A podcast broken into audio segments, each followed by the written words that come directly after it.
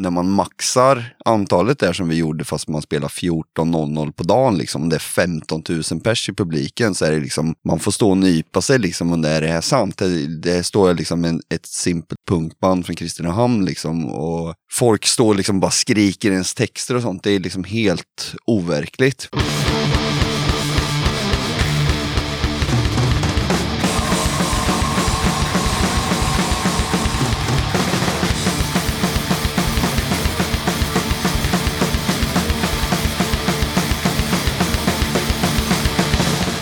Tjena! Varmt välkommen till avsnitt 115 av Döda katten Podcast. Den här gången tar jag med ett snack med Simon och Fredrik från bandet Misconduct. Det blev ett långt och roligt snack där vi hann eh, snacka om allt från punk och hardcore till The Pinks, 25 år som band, nya plattan och en hel del annat kul.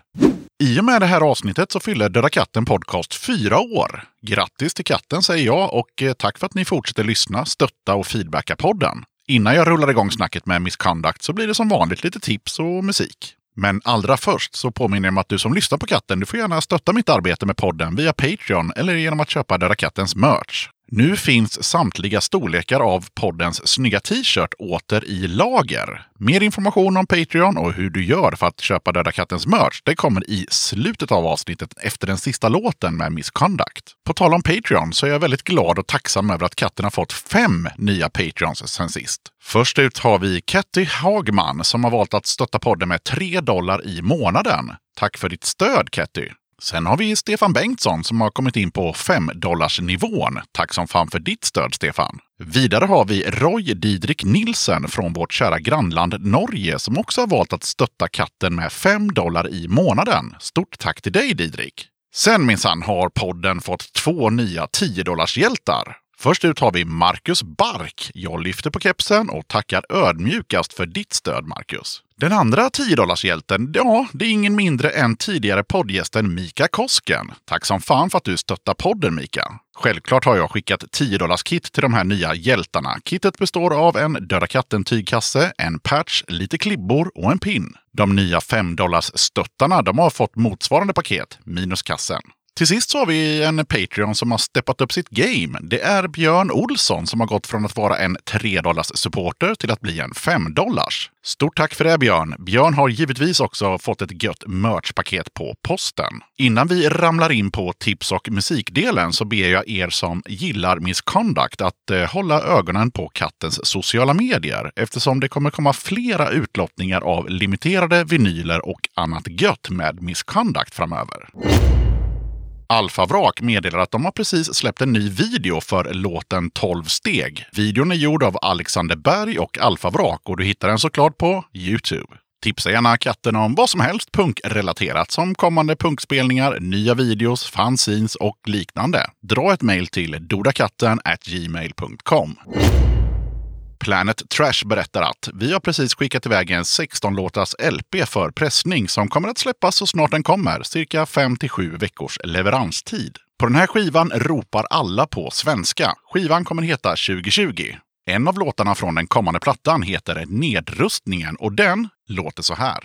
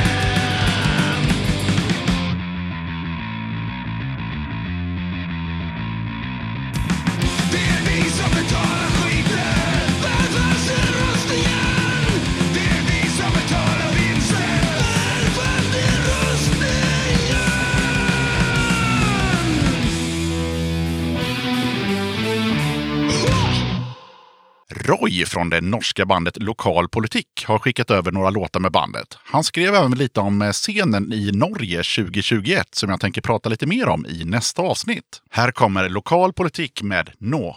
Varsågoda. Ikke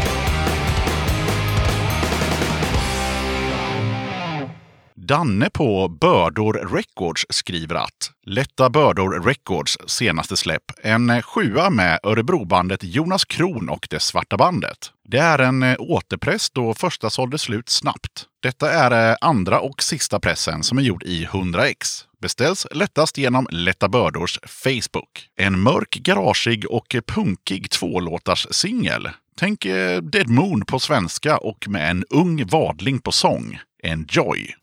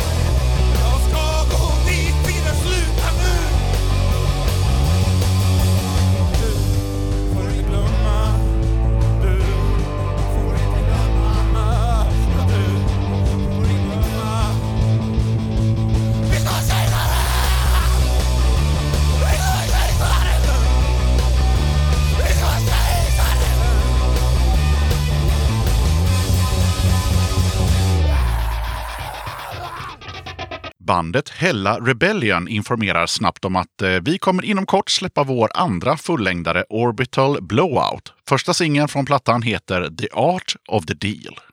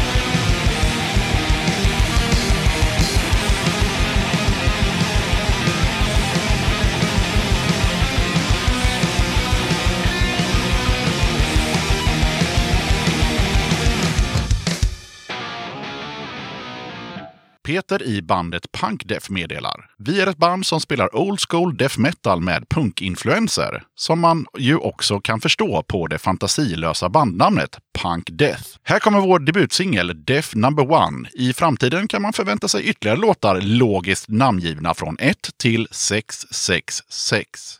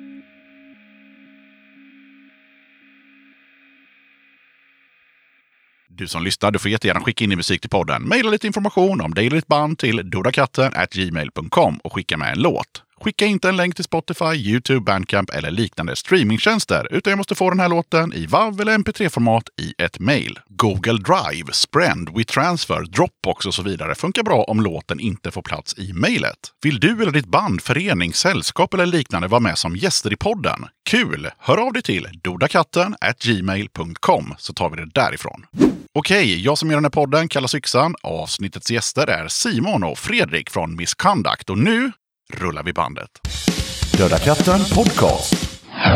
Då sitter jag här med två av grabbarna från bandet Misconduct. Välkomna till Döda katten podcast. Tack som fan. Tackar. Tackar, tackar. Ja, som vanligt. Läget? Hur är det? Det är bra. Ja, Det var lite kallt i Göteborg fast det ska vara södra breddgraderna jämfört med Värmland. Vi hade ju typ 19 minus hos oss, här var det väl typ 5-6. Men det 5-6. kändes ju som 100 minus här. Vi tackar havet och Lite saltvinden. sibirisk sommar när vi kom ja fram. men precis. Ja, nej, alltid skönt att komma till the West Coast och Sveriges framsida. ja, men så är det ju. Vad heter ni och vad gör ni i bandet? Eftersom jag är äldst då så börjar jag. Jag, Ja. jag heter Fredrik Olsson, sjunger, spelar gitarr och skriver lite låtar med Misconduct. Jag heter Simon Gidom. Jag spelar bas och eh, körar. Och så får någon av er berätta vad heter de andra, vad pysslar de med i bandet? Sen så har vi eh, Erik Ydlinger som eh, spelar leadgitarr och också körar lite. Och sen så har vi våran Wimmy the Will, Willy Boy, som spelar trummor och eh, dricker öl. Han spelar trummor och dricker öl. Låter som en bra grabb. Ja, självklart så kan man ju googla sig till det här, men jag tycker att det är roligt att ni berättar det. När drog ni igång och hur gick det till? Ja, vi kommer ju från Kristinehamn i Värmland då. Och eh, legenden säger att eh, det fanns en klubb som hette Zebra i Kristinehamn. Som var ett, eh, en, en riktig rockklubb som sattes på kartan för att, eh, ja, förutom mycket svenska progg, rävar och diverse andra rockband som spelade där så var Sex Pistols på besök. Och jag tror att det satte ett litet avtryck och det startades någon form av 77-punkvåg i Kristinehamn. Så att när vi växte upp så var det liksom antingen så spelar man ishockey och fotboll eller så spelar man punk. Och vi gillar inte ishockey och fotboll så vi spelar punk.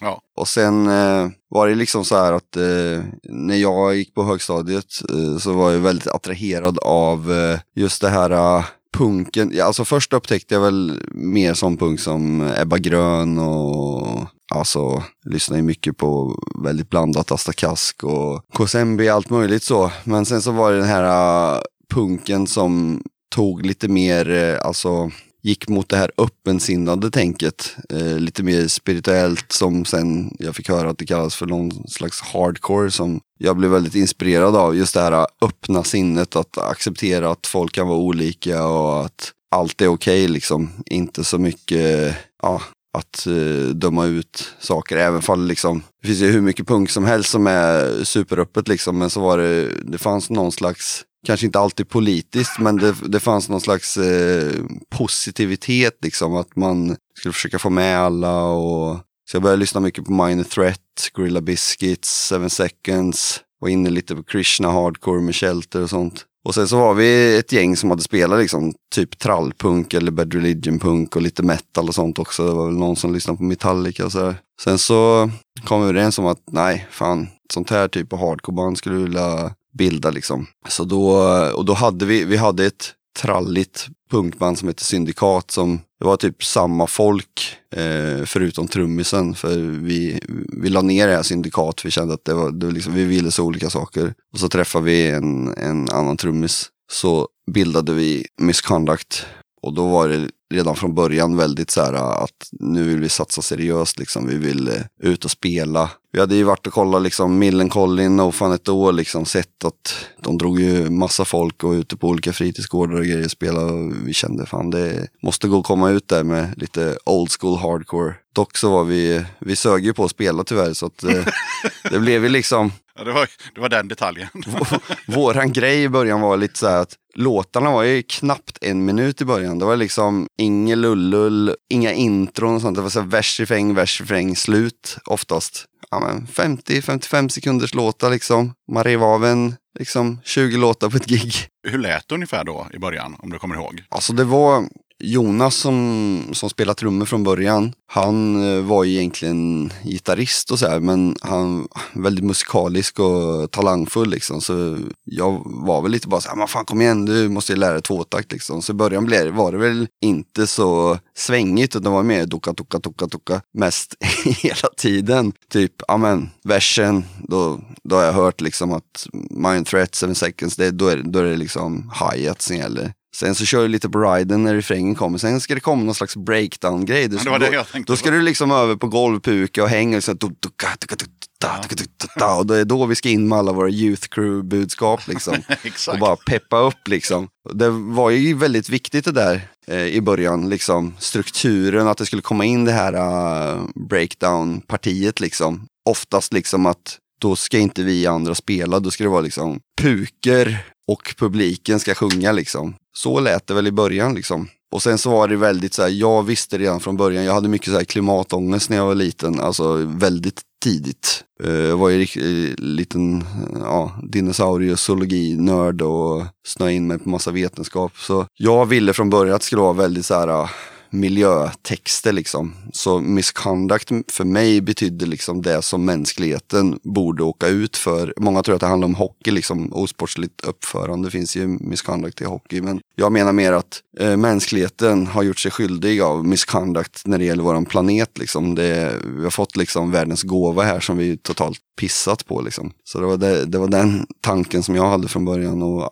de flesta låtarna i början var ju liksom Face the Truth, Blindside, Acid Rain. Alltså det var ju liksom bara kärnkraftverk som sprängdes. Ja, men du vet, man växte upp och hörde talas om Tjernobyl och du vet allt sånt där. Det var, det var ju mycket sånt liksom. Så just miljön var ju nästan det enda i början. Och sen det här liksom Stay true to your crew, Youth crew, alltså Brotherhood. Hela den biten liksom tilltalade mig väldigt mycket. Liksom att ett slags forum för alla. Hur såg scenen ut? I, vilket år pratar vi om förresten? Det har vi inte sagt. Ja, vi startade ju bandet hösten 1995. Ja. Och vi, vi var ju så här, uh, alla hade spelat lite olika band innan, så vi var ju väldigt så här, ja, men seriösa liksom. Att nu vill vi, vi ska spela in en demo och den ska vi skicka ut. Vi ska fan spela in en demo, vi ska sälja flera hundra och vi ska skicka ut ja, men minst typ hundra demos till hundra skivbolag liksom och bli signade och liksom komma någonstans. Liksom. Man hade, Målmedvetna direkt. ja, men man hade ju ändå hört talas om liksom Burning Heart, Bad Taste Records, Wounded Records, liksom hade sett lite så här schyssta samlingar, du vet, som hade kommit ut eh, med Bad Taste Ultimate Punk Party och det var ju, jag vet inte om Cheap Shots hade väl släppt någon och, och, och lite sådär, så man, man var ju jävligt taggad efter det. Så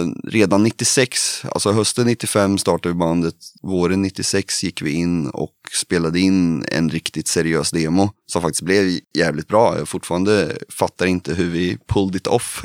eh, och med låtar som faktiskt blev längre än en minut också. Dessutom, Några tre minuters hits också, eller Behind Locked Doors är väl till och med över tre minuter Simon, eller? Säkert. Ja, innehåller även eh, Iron Maiden-riff. ja även en, en Iron Maiden-slinga där i breakdownet. Eh, eh, men, och då skickade vi runt den till liksom alla bolag vi kunde hitta liksom. Det är Fat Records, Epitaph, liksom överallt. Ja, Fat Records för övrigt fick vi nog tillbaks typ att de hade något standardformulär där man kunde kryssa i rutor och vi fick den kryssrutan där det stod typ Go back working as a fry guy at McDonalds, music is not for you eller något sånt.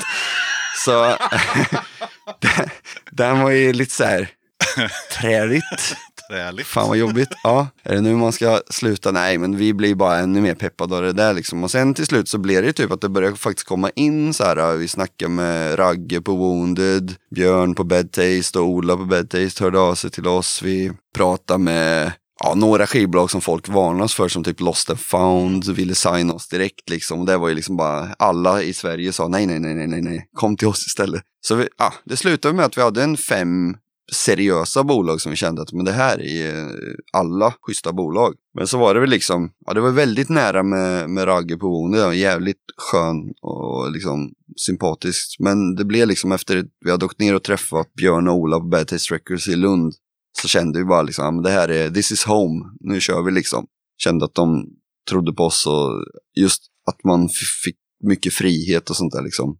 Man hade ju hört liksom mycket om konstiga kontrakt och att det inte blev så mycket punk i slutändan. Precis. Men okej, så men eh, då, alltså ni bildade bandet, spelade in en seriös demo och på den blev ni signade.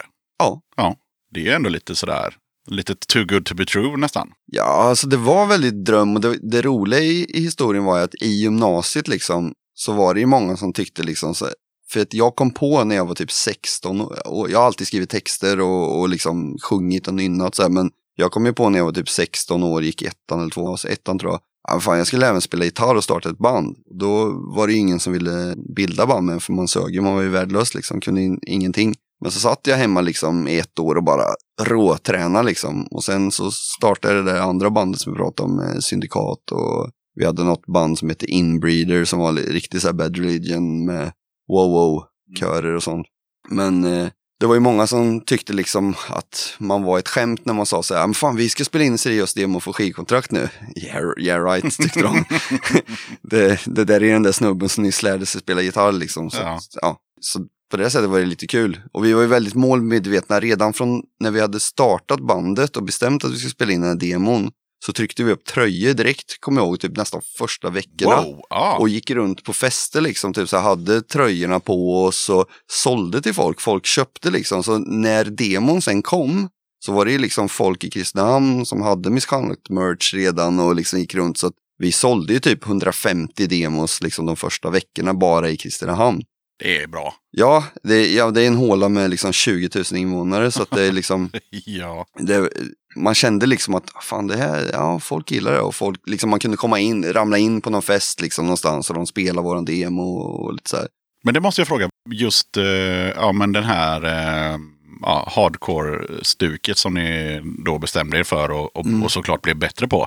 Låg den i tiden då i, liksom, i, i Kristinehamn eller var ni liksom det enda bandet? Eller liksom, hur såg scenen ut i Kristinehamn för folk som spelade musik i huvud taget, vilken musik som helst? Alltså egentligen var vi helt fel ute. För Aha. det var ju liksom egentligen så här, helst skulle man väl spela skatepunksaktigt mer som, ja men typ Millencolin eller No Fun At All, alltså mer åt det hållet. Okej, det var det som var och vi inne. var ju mycket hårdare och rakare och kortare och liksom mer uh, så. Mm. Eller så skulle man liksom spela mer åt metal-hållet liksom. För att det, det var ju många som gillade liksom eh, efter Bergslagsrocken 94 måste det ha varit. 94 och 96 så var det mycket så här eh, liksom Earth Crisis Neurosis, nej nej, Earth Crisis Snapcase och liksom lite mer så här hårdare metal-HC liksom. Som kom också. På den tiden var ju samtidigt, men nu sa du också att ni hade ett trallpunkband. För då var det ju också trallpunk peak, där Mm. 95-96 dessutom. Ja, det var det absolut, men jag tror att det var väldigt svårt i Kristinehamn att,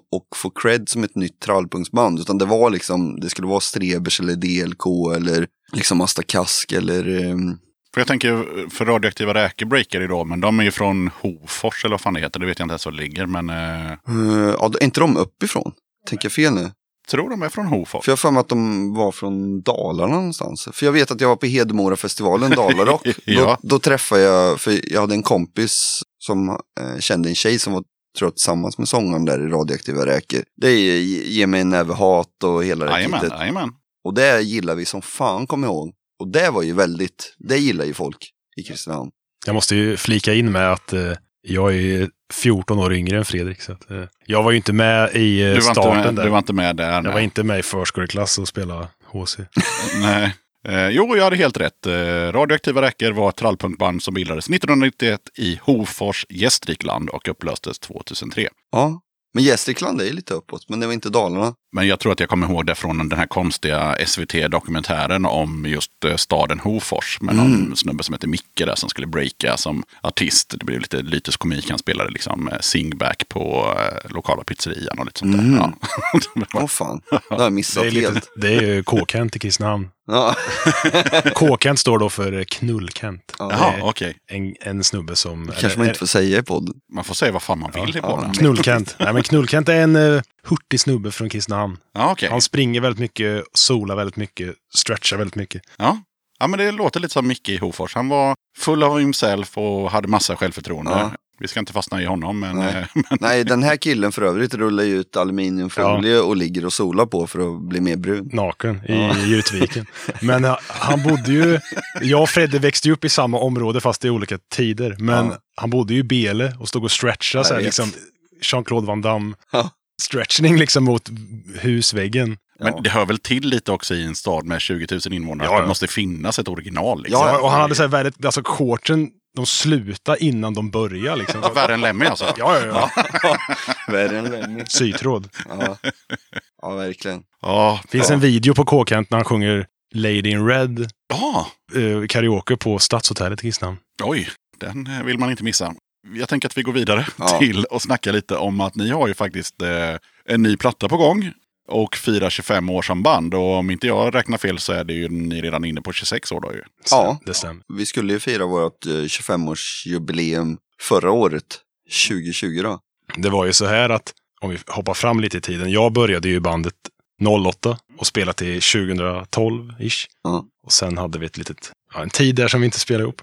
Men jag började igen slutet på 2019. Ah, så okej. hela 2020 var ju verkligen en så här typ, för mig i alla fall, en fet comeback liksom med typ så här ett gäng. Vi hade ju väldigt mycket gig våren, sommaren, hösten. Som bara spolades ner i någon form av toalett. Covid-toalett. Ja, Nej, men eh, vi hann ju göra, i alla fall göra tre spelningar i februari. ja okej. Tyskland. Ja, fick jag lite comeback och sen, Ja, lite. och sen blev det Sen, ja, karantän. precis. Ja, nej, det var ju lite antiklimax, men alltså när man tänker på allt som eh, alla människor i världen har fått uthärda liksom så är det ju en, en, en skitsak egentligen liksom att inte få fira 25 år Ja, ja, som band precis. på turné liksom. För att i år får vi bara hoppas på att vi får fira 25 år plus ett liksom. Ja. Att det blir 26 års jubileum istället.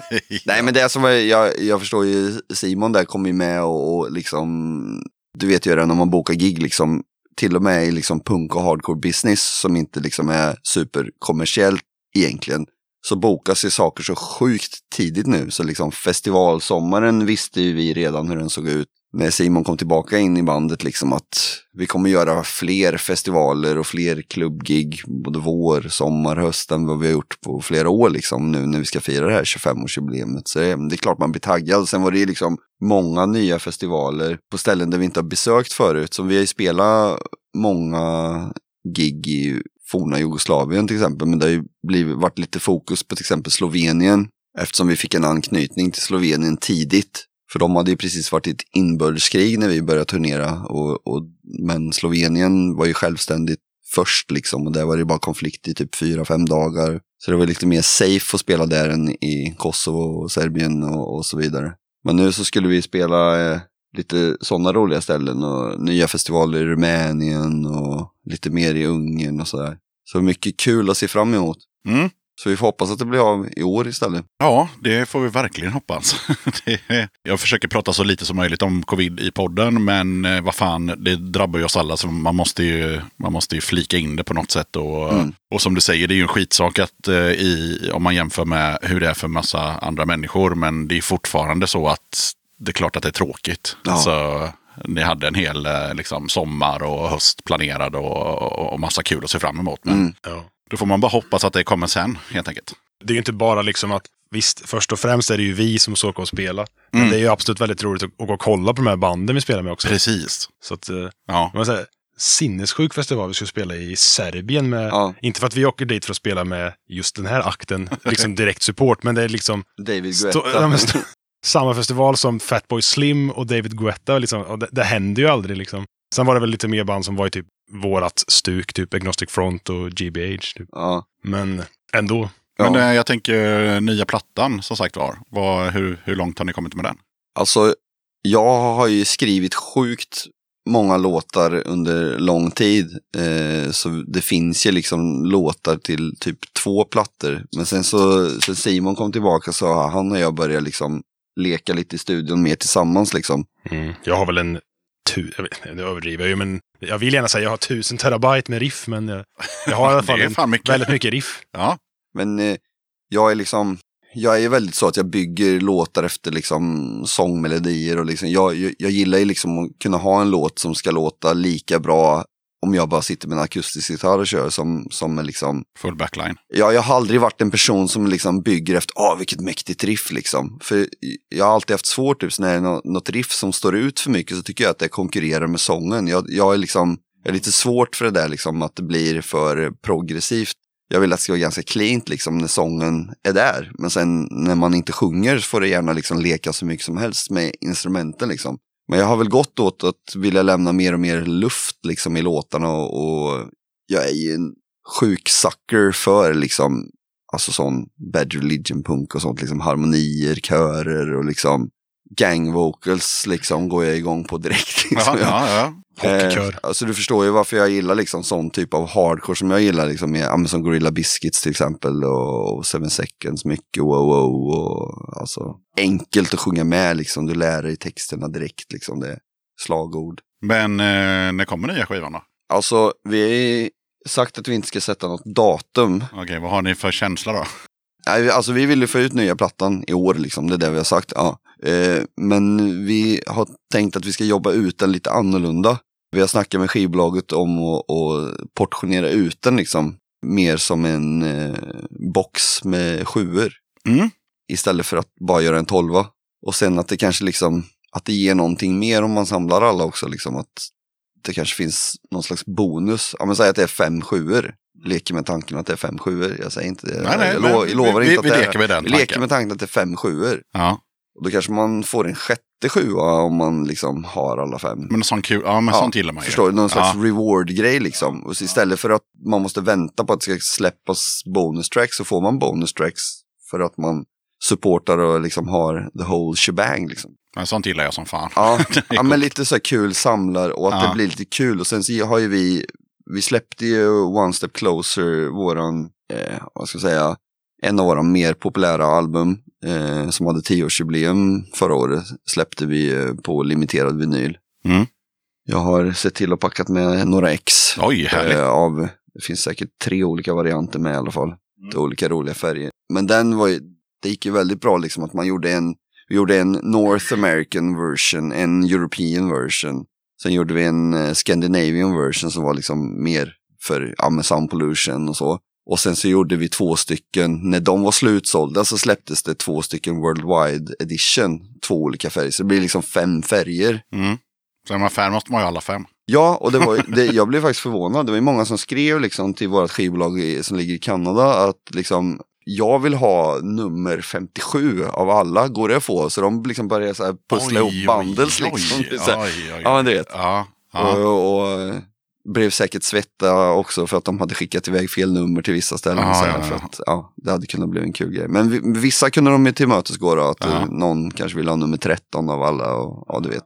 Ja, men det är ju, så, sånt där gillar man ju. Det är ju oftast inte så kanske jättekommersiellt eller kommersiellt gångbart det här med. Men för de som samlar och de som tycker liksom verkligen då är det extremt kul. Är det är liksom som hockeybilder fast man är vuxen. Liksom. Är, Nu vet jag inte hur det var med en helt annan musikgenre, Mimikry, men de släppte i alla fall 2020 så släppte de en sjua varje månad. Det är ambitiöst. Ja, men inte en EP då, utan en, en, en sjua, alltså Mm. en, en låt på varje sida. Men en sjua. Traditional liksom. Ja, Ja, men det är så jag ja. tänker också. Så släppte de en varenda jävla månad. Mm. Men de hade ingen payoff tror jag på som du hade där med att om du har köpt alla tolv då jävlar då får du en halsduk också. Nej, de hade ingen sån grej. Nej. Men, eh, men jag gillar ändå grejen att eh, istället för att hålla på och släppa massa singlar på Spotify så bara nej men vi släpper en sjua varje månad i ett år. Ja, det är coolt. Ja, Det, det måste man säga. Där är ju bonus track måste ju vara Yellow Heavy Lasse Kronér-låt. Från- Vad fan hette det? Jag inte, jag säga På spåret. Vad fan Ja. hette skiten? På rymmen hette det. Ja, på rymmen ja. Man får, ja. man får det på rymmen eh, reissue Super Platinum DVD Deluxe med, med luktsalt. ja, men någonting sånt. Ja, men jag, jag gillar hela den Ja. eh, grejen. men det är väldigt kul med vårt nya skivbolag måste jag säga. People of Punk Rock Records som är liksom ett skivbolag som har startats i Kanada med liksom folk som vi har lärt känna genom åren. Som från början liksom är gedigna punk och hardcore fans. Som, ja, men, som en av cheferna där, han såg ju oss första Kanada-turnén 99 liksom. Och har följt oss sedan dess. Och velat jobba med oss länge liksom. Men nu så när han har startat det här skivbolaget sedan några år tillbaka så vi kände liksom att vi var inte så sugna på egentligen att, att gå till ett annat bolag än att göra alla saker själva. Vi var mer sugna på att vi gör allt själv. För att jag har ju också ett skivbolag, eh, Side by Side Records, som jag liksom har använt för att licensiera och få iväg plattan lite mer spridning. Men Mm. nu känns det riktigt kul med just People of Punk Rock Records för att de, de tänker precis som fans. De tänker hela tiden, så när man har en idé så här, Oh fuck that's crazy Fred, yeah let's do it like that. Det är bara så hela tiden. Liksom. Alla galna idéer man har, desto ga- ja, men så, precis Ja. som jag sa, oh, jag vill göra hundra stycken vinyl och så när man har alla hundra får man en ska- så bildar det en skattkarta. Då får man åka till Kanada, till Quebec och gräva upp en guldklimp. Liksom. Då skulle de säga bara yeah fuck yeah, let's do it. liksom. Ja. ja, ja, men kul. jag överdriver Ja, såklart. jag fattar men, ju. men du men, fattar, men, de, de liksom, symboliken är ju Ja. glasklar. och de är verkligen så här, yeah, we're record collectors ourselves. Liksom. De, de vill verkligen så här, de tycker om det här, olika färger, samla mervärde. Mm. Inte så att, nej, vi måste spara in, vi, inte göra gatefull, det är så dyrt. Kan ni inte bara göra ett simpelt, inga inlägg i, vi vill inte ha extra tryckkostnader. Så är det inte alls. De bara, ja, ja, ja, det måste se bra ut och det måste vara liksom kvalitet och, nej, jättekul. Var det Blue Monday tror jag med New Order som de spexade så mycket med, med omslaget så att eh, det blev en förlust varje gång de sålde en skiva. jag kommer inte ihåg, det, det var på SVT, men det var så här. Cool de, de, facts. de, de gjorde så här coola grejer med Ja. omslaget liksom, och så blev det så jävla dyrt. Så att, och så kunde de inte sälja den så dyrt, utan Nej. de fick ju sälja som en vanlig tolva. Ja, ja. Så att var, varje gång de sålde en, en skiva så, så losade de stålar. Ja, den är jobbig. Men jag tänkte vi ska, vi ska snacka lite om, eh, för det är, det är säkert inte alla som lyssnar på den här podden som har hört eh, Misconduct. Och jag hade inte heller gjort det. Jag, när jag lyssnade på era musik eh, nu i veckorna här så vissa låtar kände jag igen. Jag vet inte varifrån. Eh, men någonstans har jag hört dem. Eh, vissa var jättefamiljära. Och sen så tänkte jag så här, okej men vad fan, vad, vad, tycker, vad tycker folk om det här bandet liksom? Eh, och då var det lättast att kolla på YouTube-kommentarer. Så det ägnade jag hela kvällen åt igår och kolla igenom vad, vad folk tyckte. Nu ska jag inte läsa upp alla här, men det som jag såg var ju att ehm, det var väldigt så här, två olika läger. Det var antingen eh, “Sounds eh, like they sold out before they even had a career” eller “That was wonderful” eller “These dudes used to be hardcore back in the days. They changed a lot”. Ja. Ja, så det är liksom här, vissa tycker att ni har förändrat soundet, vissa tycker att ni suger, vissa tycker att ni är helt grymma. Är det ungefär så bilden ser ut? Ja men alltså, man kan ju säga så här, alltså det finns ju ett, vi släppte en EP 2001 eller 2002, jag kommer inte ihåg exakt, som heter New Beginning. Mm. Som var en ganska medveten grej liksom. Det var så här att jag kände typ så här, "Nej, fan, nu är vi redo för att Miss Conrad ska låta som jag alltid har velat att Miss Conrad ska låta. Nu liksom fixar vi det. Nu kan vi liksom sjunga stämmer och, och liksom trixa på ett annat sätt. Lite mer liksom... eh, Kompetenta? Ja, men ja, det kändes liksom mer stabilt och så. Då skrev jag mer sådana låtar. Före New Beginning var det mer straight forward, rock, hardcore. även fall redan på One Less Try-skivan så blir liksom refrängerna lite mer melodiösa. Verserna var fortfarande jävligt tjugga, tjugga, tjugga hårt liksom. Men även på låten You're the Reason till exempel, så själva refrängen är ju liksom nästan ren sång. Även fast det är ganska growligt liksom på verserna. Men på New Beginning går det mer att det är inte liksom helt ren, det vi snackar ingen korgossesång så, men det blir liksom lite renare sång och mer, mer Gorilla Biscuits än, eh, vad ska vi ta, eh, Agnostic Front eller Madball eller eh, Oj. liksom. Eller om man jämför liksom Youth of Today med så som, nej men alltså mer melodiöst liksom. Mm. Man kan jämföra Minor Threat med Bad Religion, så det blir mer Bad Religion än Minor Threat. Okej, liksom. då är jag med. Ja, så in, inte liksom så simplistiskt, bara tss, tss, och så tokata, tokata, tokata, liksom tvåtakt hela tiden. Så lite mer variation. Så absolut finns det ett, ett före efter New Beginning. För sen kom ju United as One-skivan som är liksom det första albumet som jag egentligen är nöjd med. Förutom våran debutskiva är jag sjukt stolt över och fattar inte heller hur vi pulled it off riktigt. Eh, men sen gjorde vi liksom två skivor som låtarna är väldigt bra på. Eh, eh, som heter Another Time och A New Direction. Och då liksom så blir det inte riktigt som jag hade tänkt mig. Till exempel A New Direction var ju tänkt att bli så som New Beginning blev. Att det skulle bli mer melodiöst och så. Vi till och med åkte och spelade in den plattan med Mattias från Millencolin och Miesko från Nasum. Och var ju väldigt sugna på att få den lite mer så här uh, West Coast hardcore skatepunkig liksom. Men uh, dels så pajade min röst och sen var det liksom väldigt tidspress. Det var mycket liksom så här att uh, det var absolut inte på grund av eh, Mattias och Miesko utan det var ju liksom vi som inte var redo. Vi var inte riktigt redo för inspelningen så att den, det blev liksom mycket kompromisser och uh, den blev mycket råare och uh, min röst var väldigt så här hes och så. Men många gillar ju det också, så som den kom ut. Så det blir väldigt annorlunda sen när New Beginning och kom efter det där sen. Men hur, hur har folk eh, liksom, eh, ja, reagerat om man då tittar på de här kommentarerna som jag nämnde? Liksom att folk, det verkar som en del tyckte så här, ja, men det är ju klassiskt också när man har hållit på ett tag, så här, att vissa tycker att man bara ska låta som man gjorde på första demon. Och, Ja, Men sen när man utvecklas då är man en sellout. eh, Men sen så finns det de som tycker att när man eh, utvecklas så utvecklas man inte tillräckligt mycket. Så det, egentligen så är ju ingen nöjd nej. Nej. Alltså, på något sätt. folk får ju tycka precis vad de vill. Såklart. För det tycker jag, ordet är fritt liksom. Men sen så tycker inte jag att det är punk att vara trångsynt. Så för punk för mig är att ha ett öppet sinne och förstå liksom att folk måste få utvecklas och liksom, alltså man kan inte stå still hela tiden. För Man kan inte vara AC/DC. Nej, alltså man, man kan Man vara AC/DC också. de kan ju pull Ja. off. Ja, ja men absolut. Men, men man måste även tillåta folk att få liksom röra på sig och, Ja. och ta, ta ut svängarna, testa olika riktningar. Och det som är roligt med Misconducts historia är att det som de här uh, som tycker att vi var hardcore för, liksom, det som de gillar, liksom, det är ju 97, 98, 99. Mm. Eh, för att 2002 då, och tills idag har vi låtit ungefär ganska likt. Liksom. Det är Ja, ändå okej. ganska lång tid. 2002 tills Ja. 2021.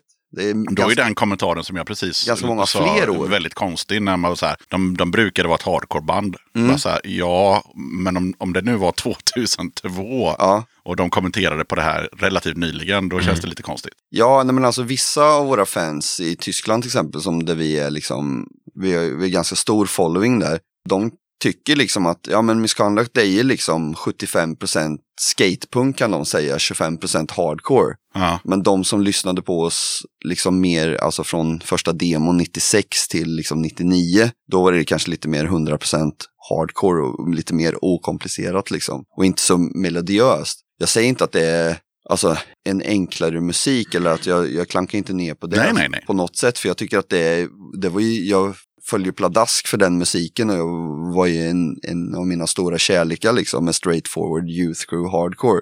Men ändå var det liksom att min vision var ju mer bad religion om du förstår vad jag menar. Mm. Men jag kunde inte liksom fixa det då. Nej. Så att, ja, för mig ibland så blir det liksom att, ja ja, det ja. är som det är liksom. det är som vad, det är. vad ska man göra liksom? Ja, jag, jag kan inte skriva låtar som jag själv inte vill lyssna på heller. Liksom. Nej, och du kan inte skriva låtar för någon annan. Du måste Nej. skriva dem för dig själv. Det är en gammal klassiker. Vi är ju inte ensamma om det här. Det här är ju liksom en grej som är världen över med alla band. Ja, ja. Men Ja, det är ju ja. så, alltså, Men just idag pratar vi med er. ja, ja, men så att, Men jag, jag håller med dig om att Det är ett fenomen så, såklart. Ja, nej men inte för att nedvärdera trångsynta människor. Som, som, nej, men att eh, det är ju så med alla band att folk, ja men de var bättre på, liksom på den tiden. Ja. De skivorna finns ju fortfarande kvar, det är bara att lyssna. Ja, ja. Ja. Nej, men det finns ju massa aspekter av det där. Du, till exempel det här att man slutar gilla ett band när för många andra börjar gilla det. För man vill ha ja. det för sig själv. Det är en sån klassisk. Där har jag ju världens bästa historia. Mm. Som jag sa, liksom, i, i Kristinehamn gick det klockrent med första demon. Liksom. Och även när vi släppte första EPn Change på våren 97, 10 låtar på 13 minuter. Mm. Fast, straightforward hardcore liksom. Och den togs emot jättebra liksom i Kristinehamn i hemstaden. Och, men sen när vi hade varit iväg på vår första liksom, större Europaturné tillsammans med 59 Times the Pain som låg på Burning Heart då. Och de var ju ett ganska stort namn i, i Europa så att vi spelade i liksom stora spelningar. Då började det liksom gå något rykte hemma medan vi var på turné att eh, ja men Fred eh, i Misconduct liksom han har blivit fett dryg liksom och pratar bara engelska med folk nu så här. Och, och då, då var det en polare som ringde till oss, liksom, till Jussi, våran eh, finska chaufför, som också är en jävla legend. Alltså. Då, då sa Jussi, ah, fan, det, att folk hade snackat eller något sånt där. Ja. Eller om det var, det kanske inte var Jussi som berättade, men någon berättade i alla fall. Så jag fick reda på det här innan vi kom hem. Och precis när vi kom hem från turnén så skulle vi göra en jättestor spelning på Saltmästaren. Och det var liksom typ 700 pers som skulle vara i lilla Kristinehamn i här stort liksom, ungdomscenter. Och så skulle det vara typ kanske tio band. Jag tror att det var Punkgalan eller något sånt där. Och då Mm. var ju vi liksom typ någon headline-ish tillsammans med Burst eller något sånt där. Och då liksom, så när jag går upp på scen så måste jag jävlas, jag kan inte hålla mig så jag pratar i engelska. bara, för, att Det liksom, hade jag också gjort. bara för att driva. ja, ja. Men det spädde ju på kanske lite för mycket. Så att liksom, det var ju många som liksom bara nästan slutade prata med en som tyckte liksom, "Vad fan vilken dryg jävel han är alltså. Nu tror han att han är någonting liksom. Och typ, ja men som Andersson och, och Mört och Dan, an, eh, Jonas liksom, de, de hade inte pratat engelska. De, de fick ju också liksom, alltså det blev liksom lite så här mot, verkligen, man är inte profet i sin egen stad, utan då var det inte lika kul längre liksom. Nej. Men sen så tror jag också att man hör ju från yngre personer i Kristinehamn som har något äldre syskon som bara gillade oss på de första två skivorna. Eller, eller någon har ju sagt till mig, "Aj, fan, gillar bara första demon. Sen Mm. blir det sellout. Liksom. Men det är ju mycket så här, vad ska man säga, någon har hört det här och någon som hör, för det, ja. Ja. Ska inte gå in på det. Små- Nej, små städer. Det, det, är så det funkar. det är så det funkar. ja. Men jag tänkte vi, vi byter helt jävla ämne och går över till eh, att ni har en bärs. Åh, Bara helt apropå, ni har en bärs. Det är Ja. fan fränt. det, det, är, Ber, berätta om bärsen. det är jävligt fränt. Men vi började ju snacka om att vi skulle, men det, man har ju sett liksom olika band ha öl. Jo, jo. Och sen så vill vi ju gärna prida med Kristinehamn liksom. Ja. Så vi börjar väl snacka där. Fan. Vi har ju ett bryggeri från Kristinehamn som heter Värmlands brygghus. Ja, alltså det började väl lite med, för att vi skulle fira 25 år förra året, 25-årsjubileumet, så skulle vi ha sista spelningen på hösten i oktober på turnén skulle vi vara på Mastis, Mastmagasinet i Kristinehamn. Och då snackade vi med ägarna där liksom och sen så pratade vi sinsemellan liksom att fan det vore ju coolt att ha en, för jag tänkte typ så här att man kunde ha någon öl som Värmlands brygghus redan har gjort fast vi byter etiketter på den, liksom har en sån misconduct-etikett liksom jag är jävligt inne på suröl Mm. de sista åren. Först belgisk och sen har det blivit mer liksom Berliner Weisse hållet. Jag är liksom helt såld på den grejen. Så då blir det så känns det, äh, fan det vore kul att göra något som inte alla andra har liksom. Och alla band eh, som jag har sett gör ju bara lager liksom. Så Vad heter det där bryggeriet från, han från Kristinehamn? ja men det är ju eh, Fermenterarna. Ja, det, det ligger i Strömstad. Han gör bara suröl. Nej, inte bara, men de är väl mest kända för Mäsk. suröl. De gör lite iper och lite sånt här också. Men eh, jag hörde av mig till lite olika bryggerier eh, och sa liksom, tja, Misconduct, eh, vi är ett punk hardcore-band från Kristinehamn, liksom, vi ska fira 25 år, vi eh, känner bara att fan om man varit ute och spelat när det fan dags att ha ett eget öl liksom. Kanske skrev lite så här halvkaxigt. Ja, men det får man väl Ja. göra ja. För fan, 25 år på bältet, då får man väl sträcka på sig. Då hörde eh, lite olika bryggerier av sig och sa, men fan det här vore ju skitkul. Men det var bara att det låg så jävla långt framåt i tiden. Så Ah. vi skulle aldrig hinna med det till det här eh, 25-årsjubileet. För det här var ju liksom i eh, januari kanske förra året. Och det, de sa, ja men det, det här får bli liksom 2022 liksom. Ja men vi ska fira 2021. Så då pratade jag med Värmlands brygghus i Kristinehamn. För jag hade liksom lite tänkt att de kommer ju inte vilja göra suröl. För de gör ju liksom väldigt traditionell, liksom gammaldags. De gör ju mycket IPA och svipa och allt vad det är liksom. Men, och porter och stout och sånt. Men suröl har de absolut inte gjort. Liksom. Så jag tänkte att nej, det vill nog de inte. Så jag frågade inte ens dem först. Utan jag hörde av mig till bryggerier som jag visste gjorde suröl redan. Men när jag hörde av mig till eh, Hasse på Värmlands brygghus blev han bara, "Ah, fan vad coolt, ah, fan vad kul och ah, misconduct, han visste ju liksom, "Ah, ni är från Kristinehamn, vi är från Kristinehamn, det är klart vi ska göra öl ihop liksom. Så han byggde om bryggeriet för den här ölen bara. Det är ju liksom. helt sjukt. Ja, helt sjukt. För att grejen är att när man gör suröl på det sätt som vi vill göra Berlinweisse så gör man ju, i Belgien är det så spontanjäst. Och då kan man bara brygga ett öl i varje bryggeri för att det liksom blir kontaminerat. Nu kan jag knappt prata. Kontaminerat. Ja, kontan. jag har slagit huvudet in, jag åkte snowboard nyss, jag får skylla på det. Ja. Men då i alla fall på grund av att de här bakterierna sprider sig så när man gör Berlinerweisse då är det inte spontanjäst utan använder man laktobakterier. Då kan man kontrollera det men man kan bara kontrollera det till en viss grad. Man måste liksom bygga en speciell behållare och det är lite speciell teknik. Ja. Så de bygger liksom om bryggeriet, flyttar om och gör en helt ny liksom, maskin för oss. Om jag får avbryta dig Ja. lite snabbt där. Det är ganska långt ifrån att eh, så här, smälla på en etikett på Ja. ett befintligt öl Ja. till att bygga om ett bryggeri för att göra en öl. Ja. verkligen. Och det kommer mer, det är så sjukt där. Det alltså, de är såna sköna människor, alltså både liksom Hasse och Kikki och deras bryggmästare och alla som jobbar där. Liksom, de, de är verkligen så här, de, de är mycket äldre än oss, men de är så öppna till våran, liksom lite, ja de är verkligen punk om man säger så. Mm. Då börjar vi labba med den här ölen, eh, liksom fram och tillbaka. I början var det liksom, ja men vi gör bara en så här liten portion. Och, men till slut blev det liksom att vi gjorde liksom ganska många tusentals burkar. Sen så ville inte jag ha flaskor utan jag ville ha burkar. Mm. Eh, Och då blev det liksom att de investerade även i burkmaskin. Ja men herregud. Eh, så de är liksom, de är så sköna och de bara liksom all in. Och, men sen så blir det liksom att vi, vi har börjat gjort lite andra samarbeten också. Först gjorde vi den här ölen då. Vi har en låt som heter Stay True. Som eh, handlar om det här grundbudskapet när vi börjar Stay True to your crew. Liksom att Mm. ja, ha det här öppna gänget för alla liksom. Eh, och som en familj liksom. Ölen heter Stay True to your brew istället. Mm. Men kallas då i folkmun bara Stay True. Och så börjar vi med att göra en eh, Passion Mango. Varför jag valde passionsfrukt var för att passion är liksom music is passion. Det var liksom lite lek med det här. Så jag gjorde en passionsfrukt, en mango som ser ut som ett hjärta som brinner. Och sen eh, ja, blev det den här eh, första surisen som släpptes på Systembolaget första december förra året. Ja okej. ja. Och batchen skulle, jag trodde att batchen skulle räcka minst till första april. Mm. Och den sålde slut innan jul eller nyår. Åh jävlar. Ja. Var det en sån som eh, ni hade med här? Japp. Ja. Då ska vi se, då har bandet med sig en sån här. Eh, jävligt tjusig. Eh, jag får väl lägga upp den på sociala medier så att folk ser hur den ser ut. Men eh, Stay True to Your Brew by Misconduct. Och sen är det klassiska Flames i bakgrunden. Typ nästan Helicopter Flames. Och så är det en passionsfrukt. Mm. Då tänker jag att då borde jag ju exakt just nu smaka på den. Det borde du. Jag måste ju flika in med att min son tror ju att allting som är i en sån där burk, eftersom det är liksom energidrycks-size, Ja, precis. tror han, är, ju... han tror det är öl. Aha. Så jag stod, vi var på badhuset för ett tag sedan, så köpte jag Nocco där nere och svepte i duschen. Då tror ju han att jag, står han och säger att jag dricker öl liksom. Ja, hur var det i helgen frågar de Ja. på Ja, dagis. ja, men eller typ, pappa dricker öl på- Ja, han, på- han, han, han, han sopar alltid en bärs i, i, i Och sen kör han hem. så kör han hem. Eh, ja, nej men det stämmer ju. Den här burken har ju ehm, den eh, modellen. Den ser inte ut som en, som en sån vanlig Nej. eh, 33. Men ja, nu ska jag testa. Får vi se vad jag, vad jag tycker. Det smakade som jag trodde.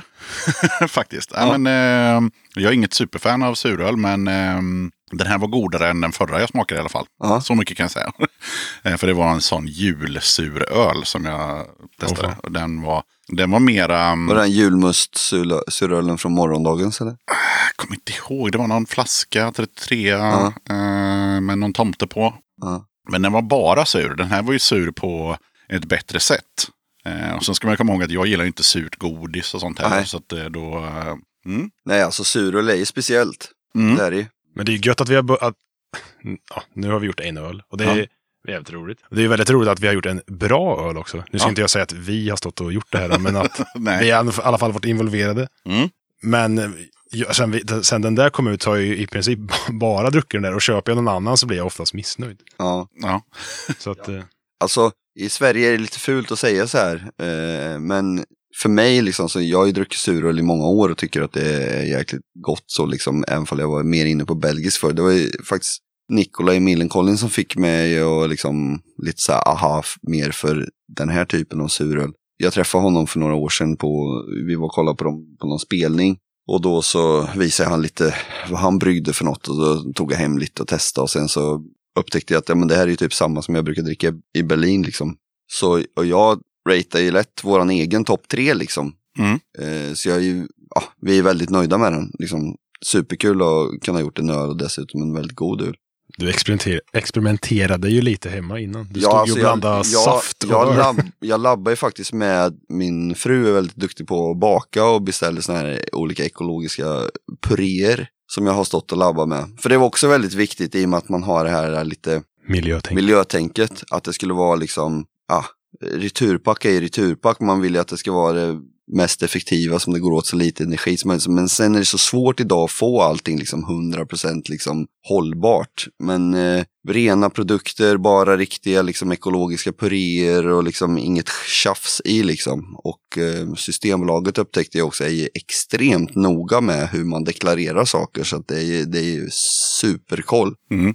Det får inte liksom stå någonting fel om det med några allergener eller någonting. Det är liksom ja, det. väldigt noga med etiketter och sånt där. Jag kan flika in här nu när jag har tagit ett par sippar att det är otroligt god eh, eftersmak. Även för Ah. någon som, eh, som inte är så himla inne på suröl. Så man sitter och har den liksom. Eh, Mm. Om man jämför med en lager när man har dratt en klunk, då har man dratt en klunk. Sen Mm. är det bra med det. Här, Ja. det här har du lite, lite eftersmak som Ja. du kan sitta och götta dig med. Och det är faktiskt den indiska mangon. Eh, det är samma i Pakistan. Den är liksom lite speciell och den kommer in och liksom, för den har ju lite sötma istället. Som balanserar upp och hänger kvar lite med den här passionsfrukten. Passionsfrukten har en starkare smak egentligen. Så man, man fick, vi fick ju hålla på att testa oss fram med den här balansen. Men jag förstår vad du menar. Men du Fredde, när blev du Bengt Frithiofsson?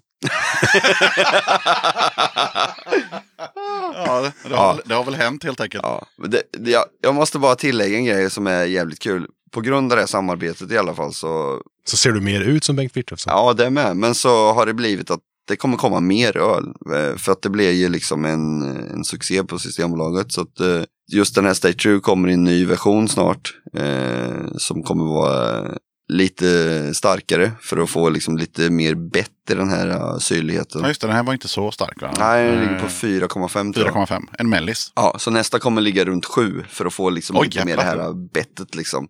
Inte för att den ska Inte vara... mellanlanda på 5, utan vi drar det till 7. Ja, men det är egentligen inte för att den ska vara så stark som möjligt, utan det är just för att man är efter ett visst bett där som alkoholen Mm. hjälper till med. Så Ja. att eh, man får fortfarande bara dricka en. Ja, ja, såklart. såklart. Men eh, nej, så det kommer Vi lite vill, ju, vi vill ju helst att den ska ligga på 6,66 men vi får se hur det är. Ja. Ja, just nu ligger den faktiskt exakt på 6,66. Men Ja. vi vet inte om man får skriva det för Systembolaget. Ah, de tog ju 666 kronor för Motorhead eh, från början. Ja, men det är liksom något, det med Kristet. att det ska vara en decimal eller 7,0 eller 6,7 eller ja, men vi får se. 6,66 vore bra. Vi får se vad som händer. Jag tänker vi går tillbaka till musiken och som vi nämnde tidigare så har ni ju spelat en hel del live. Och jag har faktiskt ingen koll på hur mycket har ni spelat live. Jag fattade det som att det var mycket. Alltså vi spelar väldigt mycket live med tanke på att vi började turnera redan 95 när vi inte ens hade spelat in den där seriösa demon för vi släppte ju någon portademo, alltså vi har ju också hållit på med portademos. Vi och Burst åkte ju några vändor till Norge och lite sånt där och spelade runt liksom Karlstad, Karlskoga, Kristinehamn, Mariestad liksom. Och sen har det fortsatt, men från 97 så har det ju stadigt liksom varit de första åren var ju oftast turnéerna så här fem, sex veckor i stöten. Eh, så då gjorde man ju liksom kanske, ja men det var ju 25 spelningar minimum och ibland liksom 30-35 spelningar på en turné. Så då plockade det på ganska fort. Så hur många gig har ni gjort? Alltså jag vet inte exakt hur många vi har gjort. Det är så svårt att säga tycker jag det är. Men liksom om man gör 50 spelningar på ett år så är det ändå ganska mycket för ett punkband känner jag liksom. Om man gör en vårturné och en höstturné. Sen vissa år har det varit liksom att vårturnén bara har varit två veckor. Men sen har det varit liksom hela sommaren festivaler och sen en höstturné på två veckor. Jag vet att de första åren, då kom vi inte in så mycket på festivaler utan då fick vi hålla oss till de här klubbspelningarna liksom. Så då åkte vi oftast på sommaren till typ Polen var vi väldigt populära. Så jag vet 98 då gjorde vi två veckor i Polen. Alltså typ 14 spelningar, spelningar varje dag i Polen. I samma land liksom. Och Bara jävlar, åkte runt Ja, ja. tokrens och fullt överallt. Och vi gjorde den turnén för att vi ville göra Mind Over Matter-festivalen med Blind Guardian Ja, okej, i ja. Österrike. Så Ja. den var för att finansiera det liksom. Ja. Så vi byggde den där turnén runt där. Men alltså det är så svårt det här med att uppskatta liksom. Men, Men det, måste, det är i alla fall över tusen spelningar. alltså jag har ingen aning. Under, min, alltså under mina år så har det varit i alla fall något runt hundra ish. Ja. Nej, Alltså, det men, ja, men alltså jag menar något hundra, jag kan inte säga 500. Ett hundratal, Ett ja, ja. hundratal Men det, säkert. det, Ja, det är väl, 500 plus gig i alla fall. Liksom. ja, ja, precis. Och eh, då kommer den svåra frågan då när man har gjort så många gigs. Vart brukar det vara roligast eller bäst? Alltså det är jättesvårt att svara på för att vi har ju så många olika ställen som, som vi ser som favoritställen fast de ligger liksom i olika delar av världen. Som Men vilka poppar upp i huvudet? direkt så poppar det upp i Kanada till exempel, så är Quebec-provinsen, den står ju verkligen ut. Det är liksom misconduct land. Så. Alltså där har vi alltid gjort skitbra gig liksom. Quebec, Montreal, Ottawa, liksom runt där, Toronto. Mm. Eh, speciellt, skulle jag nästan vilja säga, Quebec City och Montreal. Liksom, det har varit liksom verkligen galna spelningar. Jag vet första turnén 99 så började vi med att spela tillsammans med liksom AFI och eh, Sick of och liksom massa sådana band. Och jag tror att första spelningen i Kanada var det 3000 pers på. Och då hade vi kanske aldrig spelat för mer än max 300 innan. Eller? Wow, Ja. ja. det måste ha varit en jävla upplevelse. Ja, och vi visste liksom inte riktigt för att uh, Bad Taste släppte ju våran eh, platta och samtidigt släppte de en sån här This is Bad Taste Ultimate Punk Party med massa olika band på. Och då åker man ju med på den liksom vågen i och med att folk som gillar liksom kanske 88 Fingers Louie eller om, eh, jag vet inte, de bjöd ju oftast in andra band från Fat Records och så också. För jag vet att Fat Mike och Björn var bra kompisar liksom. Så det var ju alltid med lite så här dragplåster och Satanic Surface var ju populära och du vet så här. Så det är säkert många som gillar liksom skatepunk som lyssnar på oss. För vi, vi var ändå lite så här odd band out. För att det var oftast skatepunkband och så Misconduct som var lite mer straight forward hardcore. Då. Och sen AFI, de var ju lite mer mixat, lite så här ah, goth, emo, hardcore. Vi fick en chock när vi kom dit och det var liksom 3000 pers i publiken. Jag vet att vi sålde slut merchen som vi skulle ha i tre veckor sålde vi slut första kvällen och visste inte vad vi skulle ta oss till liksom. Nej. Men det är lite gött det här att vi har ju lite så områden i olika länder som liksom som är det är mer besökare per spelning liksom. Men vad, vad, vad tänker du på Ja, när typ- säger så? Dresdenområdet liksom, Sachsen i Tyskland. Eller Sachsenregionen. när du sa det där första spe stora spelningen för dig. Men jag kommer ihåg riktigt stora spelningen för mig första gången var 09, 19 år. Då hade vi ändå gjort väldigt mycket så här, klubb. Vi hade gjort någon festival under, sen jag började 08. Men jag kommer ihåg att vi spelade i Corfu, Ja, Korfö. Korsept, Corcept kanske inte, Frankrike. i Frankrike. Vi hade ju liksom en egen, då var det så här, i Frankrike har de väldigt mycket, eh, backstage har man en egen stor så här husvagn som loge. Mhm. Och vi hade en egen Soler, Solero glass, eh, vad fan heter det? Vi hade en egen glassbar. Ja, Jag åt 200 Solero tror jag. Typ. Nej men jag kommer ihåg att spelningen var ett så här stort cirkustält liksom. Jag tror det var typ så här 4-5 tusen eller något. Ja. Och man var ju på en sån jävla high liksom av adrenalin liksom. Så efter spelningen, jag vet inte ifall du kommer ihåg det, men det låg så lite grej, typ så här ätbara saker på scenen. Så jag sprang så fram och tillbaka och alla bara hyll, vad heter det, jubla. Jag typ tog en massa kakor och bara kastade ut. Och sprang så här fram och tillbaka. Till slut så blev ju scenmanagern arg och slängde av mig. Ja.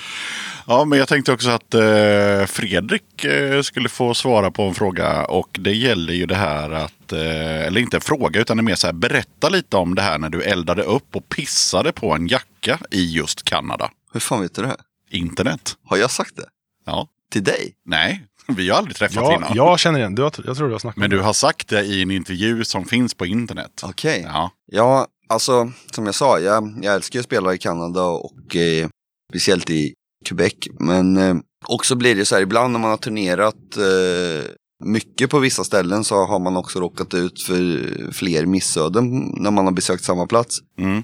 Och vi har ju stött på några riktiga jävla rötägg där liksom som har lurat oss på pengar eller hotell eller flygbiljetter och sådär. Mm.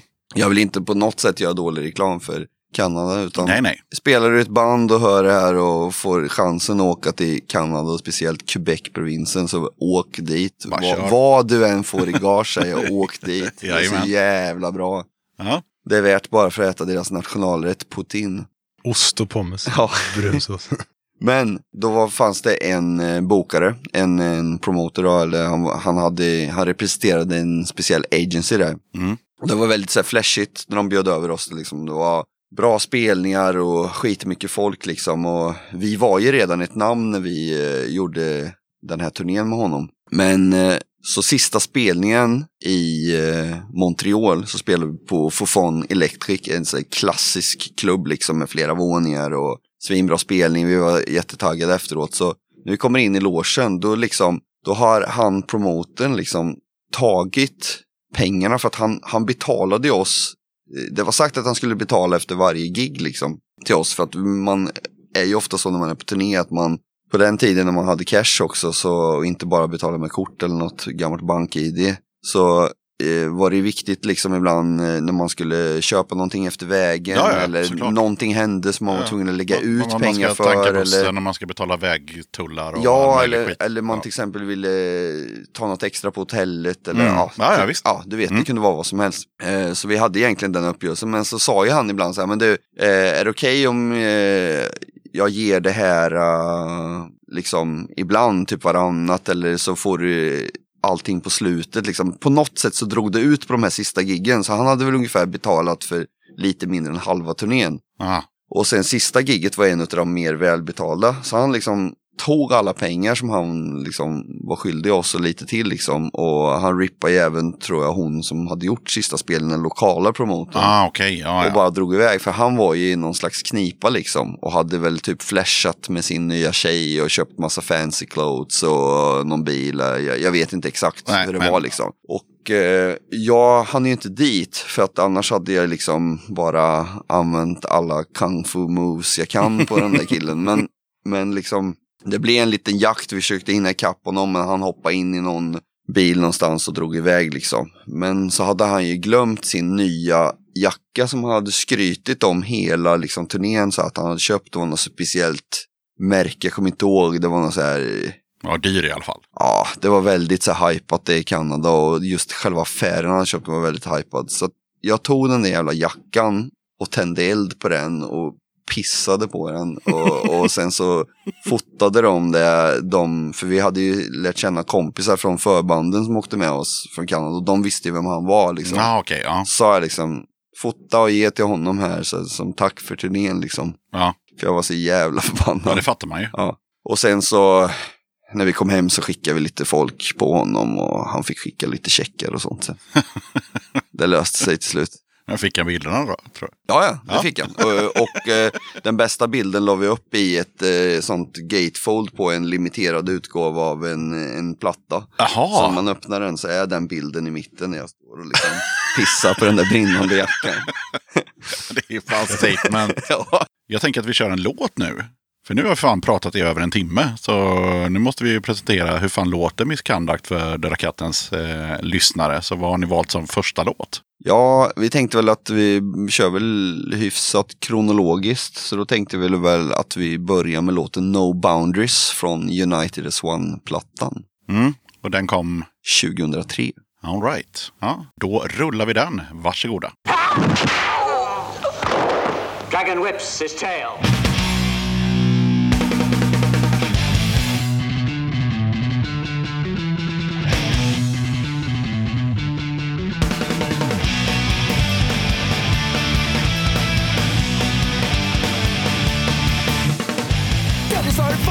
It doesn't matter who you are. Who you are! It ain't hard to see, you choose how you wanna be. Heart to black sky, doesn't matter what you choose.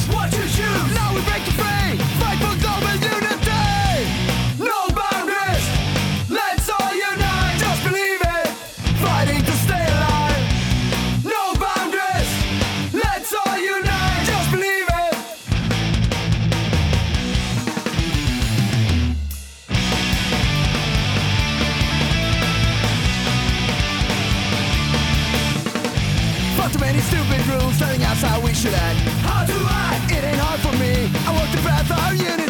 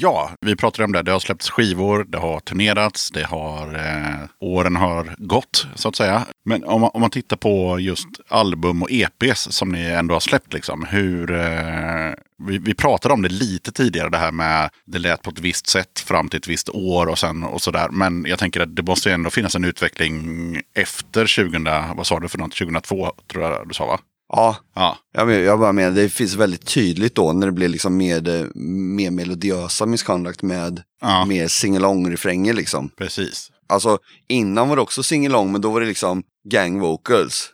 Stay true! Ja. Liksom. Sen blev det liksom lite mer singalong. Mm. Men hur ser det ut från 2002 framåt då? Album, alltså om man tittar album för album utvecklingsmässigt. Eller låter det bara likadant? Är det ACDC från Nej, 2002? nej, nej absolut, absolut inte. Det är också nu, jag skulle vilja säga att eh, om vi tar eh, först då till exempel United as One som första låten vi spelade, No Boundaries. Där är det liksom, det är fortfarande väldigt mycket hardcore-osande liksom. Det är ganska mycket tvåtakt, liksom snabba verser och sen så kan det vara lite mer singalong i refrängerna. Men det känns ju ändå, jag tycker att det är mycket liksom Gorilla Biscuits och Youth Crew över det fortfarande liksom. Och lite anthem-aktigt så. Men sen om man tar, jämför det med skivan som kom, eh, för den kom ju 2003. Sen gjorde vi liksom, släppte vi bara massa EPs emellan. Så nästa fullängdare kom egentligen inte först 2010. Så det är ganska många år där. Egentligen kom United Swan 2003 och 2004 för att ja, vi la till lite låtar och släppte olika versioner och, och sådär liksom. Men eh, det är ändå liksom sex år emellan släppen. Fast det kom ju massa EPs då som jag sa. Men då är ju, när Closer-skivan kommer, One Step Closer, så är ju den lite mera rockig skulle jag vilja säga. Tycker inte du det Simon? Jo, men det är också att under det här åren, de här åren emellan där så har det ju kommit, jag och Erik började ju bland annat. Ja, Och man liksom, även om man- inte kommer med grundidén på vissa låtar, så flikar man ju ändå in med små influenser liksom. Så att det är ändå, ja, och sen är det också Closer, låten Closer till exempel, den, den skrev jag liksom många, många år innan. Men den kändes liksom lite för rockig. Jag visste inte ens om jag skulle släppa den som misconduct-låt eller om det skulle vara ett sidoprojekt. Jag hade liksom, jag har ju haft sidoprojekt vid sidan av liksom för att få ut min liksom mer poppiga ådra liksom eller testa lite annat liksom.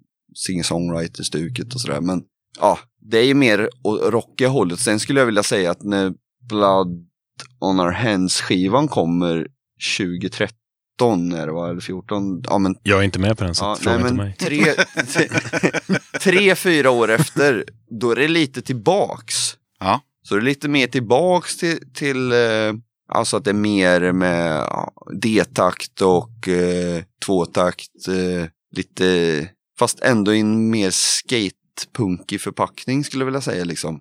Men sen, jag, jag älskar ju band som till exempel Alltså mästarna på att sammanföra liksom skatepunk, straightforward hardcore och liksom nästan lite poppiga toner är ju Rise Against tycker jag. Jag tycker de är svinduktiga på det. Och det är liksom medlemmar från 88 Fingers Louis som jag lärde känna 99 där. Så de, de har man följt väldigt länge och de tycker jag är riktigt duktiga på att liksom få med hela den där mixen. Och jag kan väl tycka att Blood on hands-skivan är lite mer i det facket om man säger. Det är liksom inte Green Day men det är inte, det är inte liksom eh, brutal hardcore heller liksom.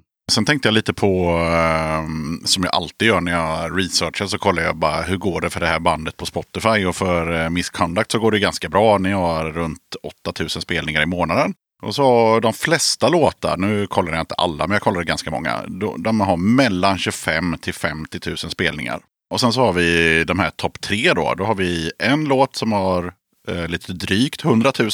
Och sen har vi en som har drygt 500 000 och så har vi en som har drygt 600 000. Och såklart så undrar jag vad, vad beror det på att de här tre låtarna sticker ut så extremt mycket mot resten? Ja, det är också lite intressant för att det är liksom No Boundaries som är en av de låtarna vi har valt Mm. att spela.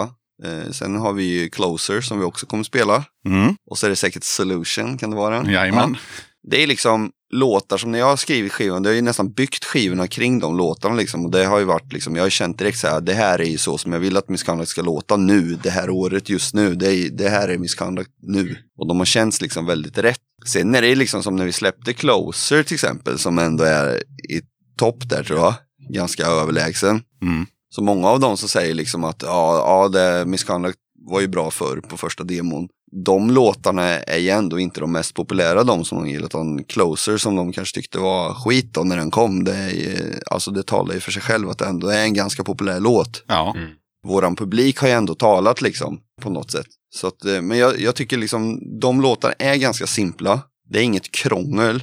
Det är ändå liksom den här uh, attityden finns kvar. Visst, det kan finnas ett catchy intro först innan versen kommer igång, men det är en liksom ganska simpel avskalad vers. Nästan alla de här låtarna har liksom att på versen går det tillbaks lite, det är bara sången och en bas och golvpuka till exempel. Sen kommer den här uh, anthem-refrängen. Det, det skulle jag vilja säga att alla de där tre låtarna när jag tänker efter nu har gemensamt. Att Och att alla tre är videolåtar. Så att Ja, de är ja. väldigt Jo, eh, det- det också accessible. påverka Jo, såklart. jo, såklart. De är singlar och videolåtar.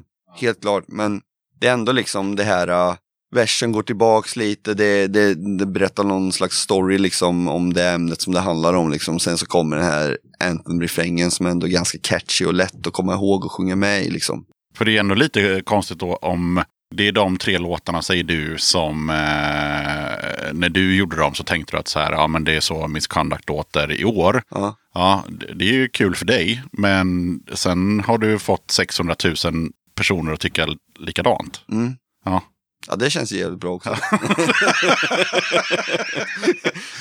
Eller så är det någon galning som har rätt. 100 000 gånger. Men, Ja. men, men just att, att din idé överensstämmer med, med vad, vad folk faktiskt tycker också. För det är ju, det- alltså, Spotify i all ära, men alltså det är ju ändå ett kvitto på att eh, om den här låten har 600 000 och den här låten har 25 000, då, då, då tycker folk att den här låten är bättre helt enkelt. Mm. Ja, sen så liksom vet jag ju att vi har, alltså det här med topp fem är ju också att det är ju de som är just nu. För det kan ju finnas någon låt som kanske har 100 000 Ja. som ligger under, men någon Yes. som har 50 000 har kommit upp för att just den senaste veckan har de Den lyssnat trendar, ja. mer på, den trendar Ja, då ja, liksom. Och det var det jag sa, att jag orkade inte klicka på Nej, varenda för att jag låt. vet att jag kollar igenom, jag vet att det finns en del liksom Ja men som Side by Side Part 2 har ju liksom över 100 000 och den är en väldigt soft låt liksom. Mm. Som skiljer sig väldigt mycket. Eh, men den liksom trendar inte just nu. Och sen så vet jag att typ som våran Social Distortion cover brukar komma upp då och då ibland. Som vi släppte för ett tag sedan på en samling eh, av Don't Drag Me Down. Jag vet inte om den ligger topp 5 nu men ibland brukar den dyka upp där liksom. Ja, den ligger inte topp fem, men eh, när du bara lyssnar som jag gjorde tidigare eh, idag och igår Ja. så kommer den ganska så snabbt. Ja, Där såg jag också på YouTube-kommentarerna att det var inte folk eh, nöjda. Eh, det var många ja det ska ju vara originalet såklart. Ja, de bara Ja. så här, "Vad, du har sabbat min favoritlåt. Ja, ja. Det var mycket, Såklart. mycket sånt. Jag, jag, jag, jag har ju höjt den från B till E också. Så att, eh, liksom, ja. Jaha, okej, okej. Ja. Ja, jag, jag tyckte det var en helt okej version. För mig är det så här, liksom, ska man göra en cover, så jag, alltså jag kan ju inte göra, jag kan inte vara Mike Ness och göra det som honom liksom. Alltså ska Misconduct göra en cover så ska det fortfarande låta att det är Misconduct som gör den liksom. För Ja, ja. originalet finns ju redan perfekt och färdigförpackat där liksom. Ja. Så då kände jag att, ah, fan, det känns inte naturligt för mig att ligga och bräka så lågt på versen liksom. Eh, för att själva refrängen på Don't Drag Me Down, det är egentligen inte, Mike Ness har ju en sincerity, vad heter det, en, en eh, vad heter det på svenska? Sincerity. Det är det här med att jag är dryg och pratar engelska hela Ja, tiden. exakt. Men det, jag är likadan på det att vissa ord fattar jag inte vad de heter på svenska. Men eh, Ja men att han verkligen menar det. Det låter väldigt så här äh, äkta. Äkta, äkta Ja, heter exakt. det. Sincere, ja, Ja. sincere äkta. Håll Yes. det äkta. Ja, nej, men det låter jävligt. Är inte det ett band? Håll det äkta, jo. Ja. Jajamän.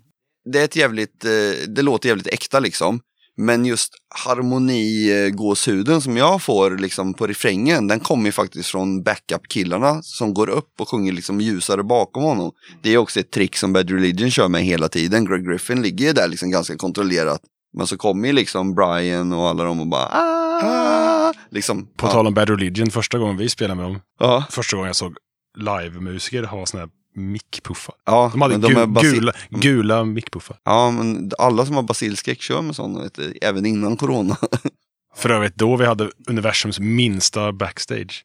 Eller Ja. det var ju understage för det var under scenen. Ja. Du öppnade dörren och så var rummet slut. Men det är för övrigt ett fantastiskt coolt spelställe. Ja. Luzerna bar i Prag. Det är liksom så här tusen pers i kapacitet fast går liksom ner i underjorden. Det är typ som att det har varit någon gammal fånghåla där nere. Så är det en teater där liksom som ser ut som en sån här gammal med, Alltså, sån amfiteater. ja, sån, med, eh, med liksom sån bal balkonger och grejer ja, upp men- och, så, ja. och scenen är rund. Ja. Och där, för vi blir inbjudna av Bad Religion på deras tror det var- 35-årsjubileum. Nej, Jo, det, måste här var varit 2000, det här var typ 2011, 2010. Firar inte de 45 nu? Jag säger ingenting om det. Men Skitsamma. det kan vara så. Något jubileum var det liksom. Så det var ju en sån här check på listan liksom. Och få bli, spe, dels liksom få spela med Bad Religion men bli inbjuden av deras crew liksom. För vi hade gjort spelningar sida vid sida innan på festival. Så fick vi den där inbjudan. Det var riktigt nice. Första gången jag hade trådlöst.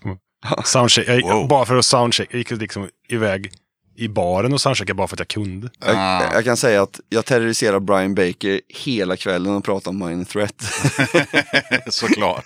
Jag kan säga att jag var faktiskt i, men nu kanske den var större då, för du sa att det var den minsta backstage. Men jag var i en backstage i Paris en gång och då öppnade man dörren och då var det liksom en stol. Eh, eh, en och- skrubb. Ja, för det var liksom bara en stol och sen så var det liksom en, en, en vad heter det, sån snedvägg. Ja. Eh, eh, ja. Och sen var det inget mer. En saltpinne. Nej, det fanns ingenting. Inte ens det fick Nej, nej, nej. Det fanns inget vatten, inga snacks, ingenting. Det fanns en stol. Frågan är om man vågar. Får man dra en liten... eh, Ja, ja. Vi hade en gång när vi spelade i Frankrike på en, bå- på en, på en båt. Eh, alltså det var inte så att vi spelade close-up-båten utan det var liksom en båt som låg i hamnen och så var det en klubb där. Mm. Ljudkillen hade käpp och kunde ingenting om... Du fick ju typ... Du var ljudtekniker Ja, istället jag fick ta över för det gick inte. Ja, skitsamma. Men han var väldigt rolig. Han såg ut som typ Nosferatu som är bak, bakom dig. Han Ja. var jättebra ljudtekniker enligt honom. Ja. Han, han visste inte hur man kopplade ens. Nej, skitsamma. Men backstage var backstage. Och det fanns ingen toa där. Så det var en låt vi hade som det var typ ett, det är typ ett backtrack på. Så att det är bara ha, Fredde och jag och trummisen liksom. Erik går bak för att pissa. Men det finns ingen toa. Så han pissar i massa muggar. Nej, han pissade i ett vinglas. Nej, han pissar i massa mu- plastmuggar. Ah. Eh, flera stycken för han var väldigt pissnödig. Och eh, han, det var ju det, han hade ju druckit så mycket så det såg ut som vin. Så Danne, våran, ja, som var trummis då, han trodde att det här var vin. Så Erik sitter med sin telefon efter spelningen och så ser han bara Danne ställa ner ett glas. Drack du det där? ja, vad var det? Det var ju godare än bärs. För han gillade inte öl på den tiden. Nej, nej. Det var mitt piss. Och det var inte så här, åh fy fan, utan det var bara så här, aha. det, var, det var Inte för, att godare hänga än ut, bärs. inte för att hänga ut Danne, men det var väldigt, väldigt roligt. Jag vill inte hänga ut. Nej, nej, han gillar piss mer än bärs. Det är helt jävla naturligt. Det är, Nu börjar jag tänka på kristet ut sig sug på piss. Ja, alltså. Och jag tänker på... Nej. Nej. ja, det var kul.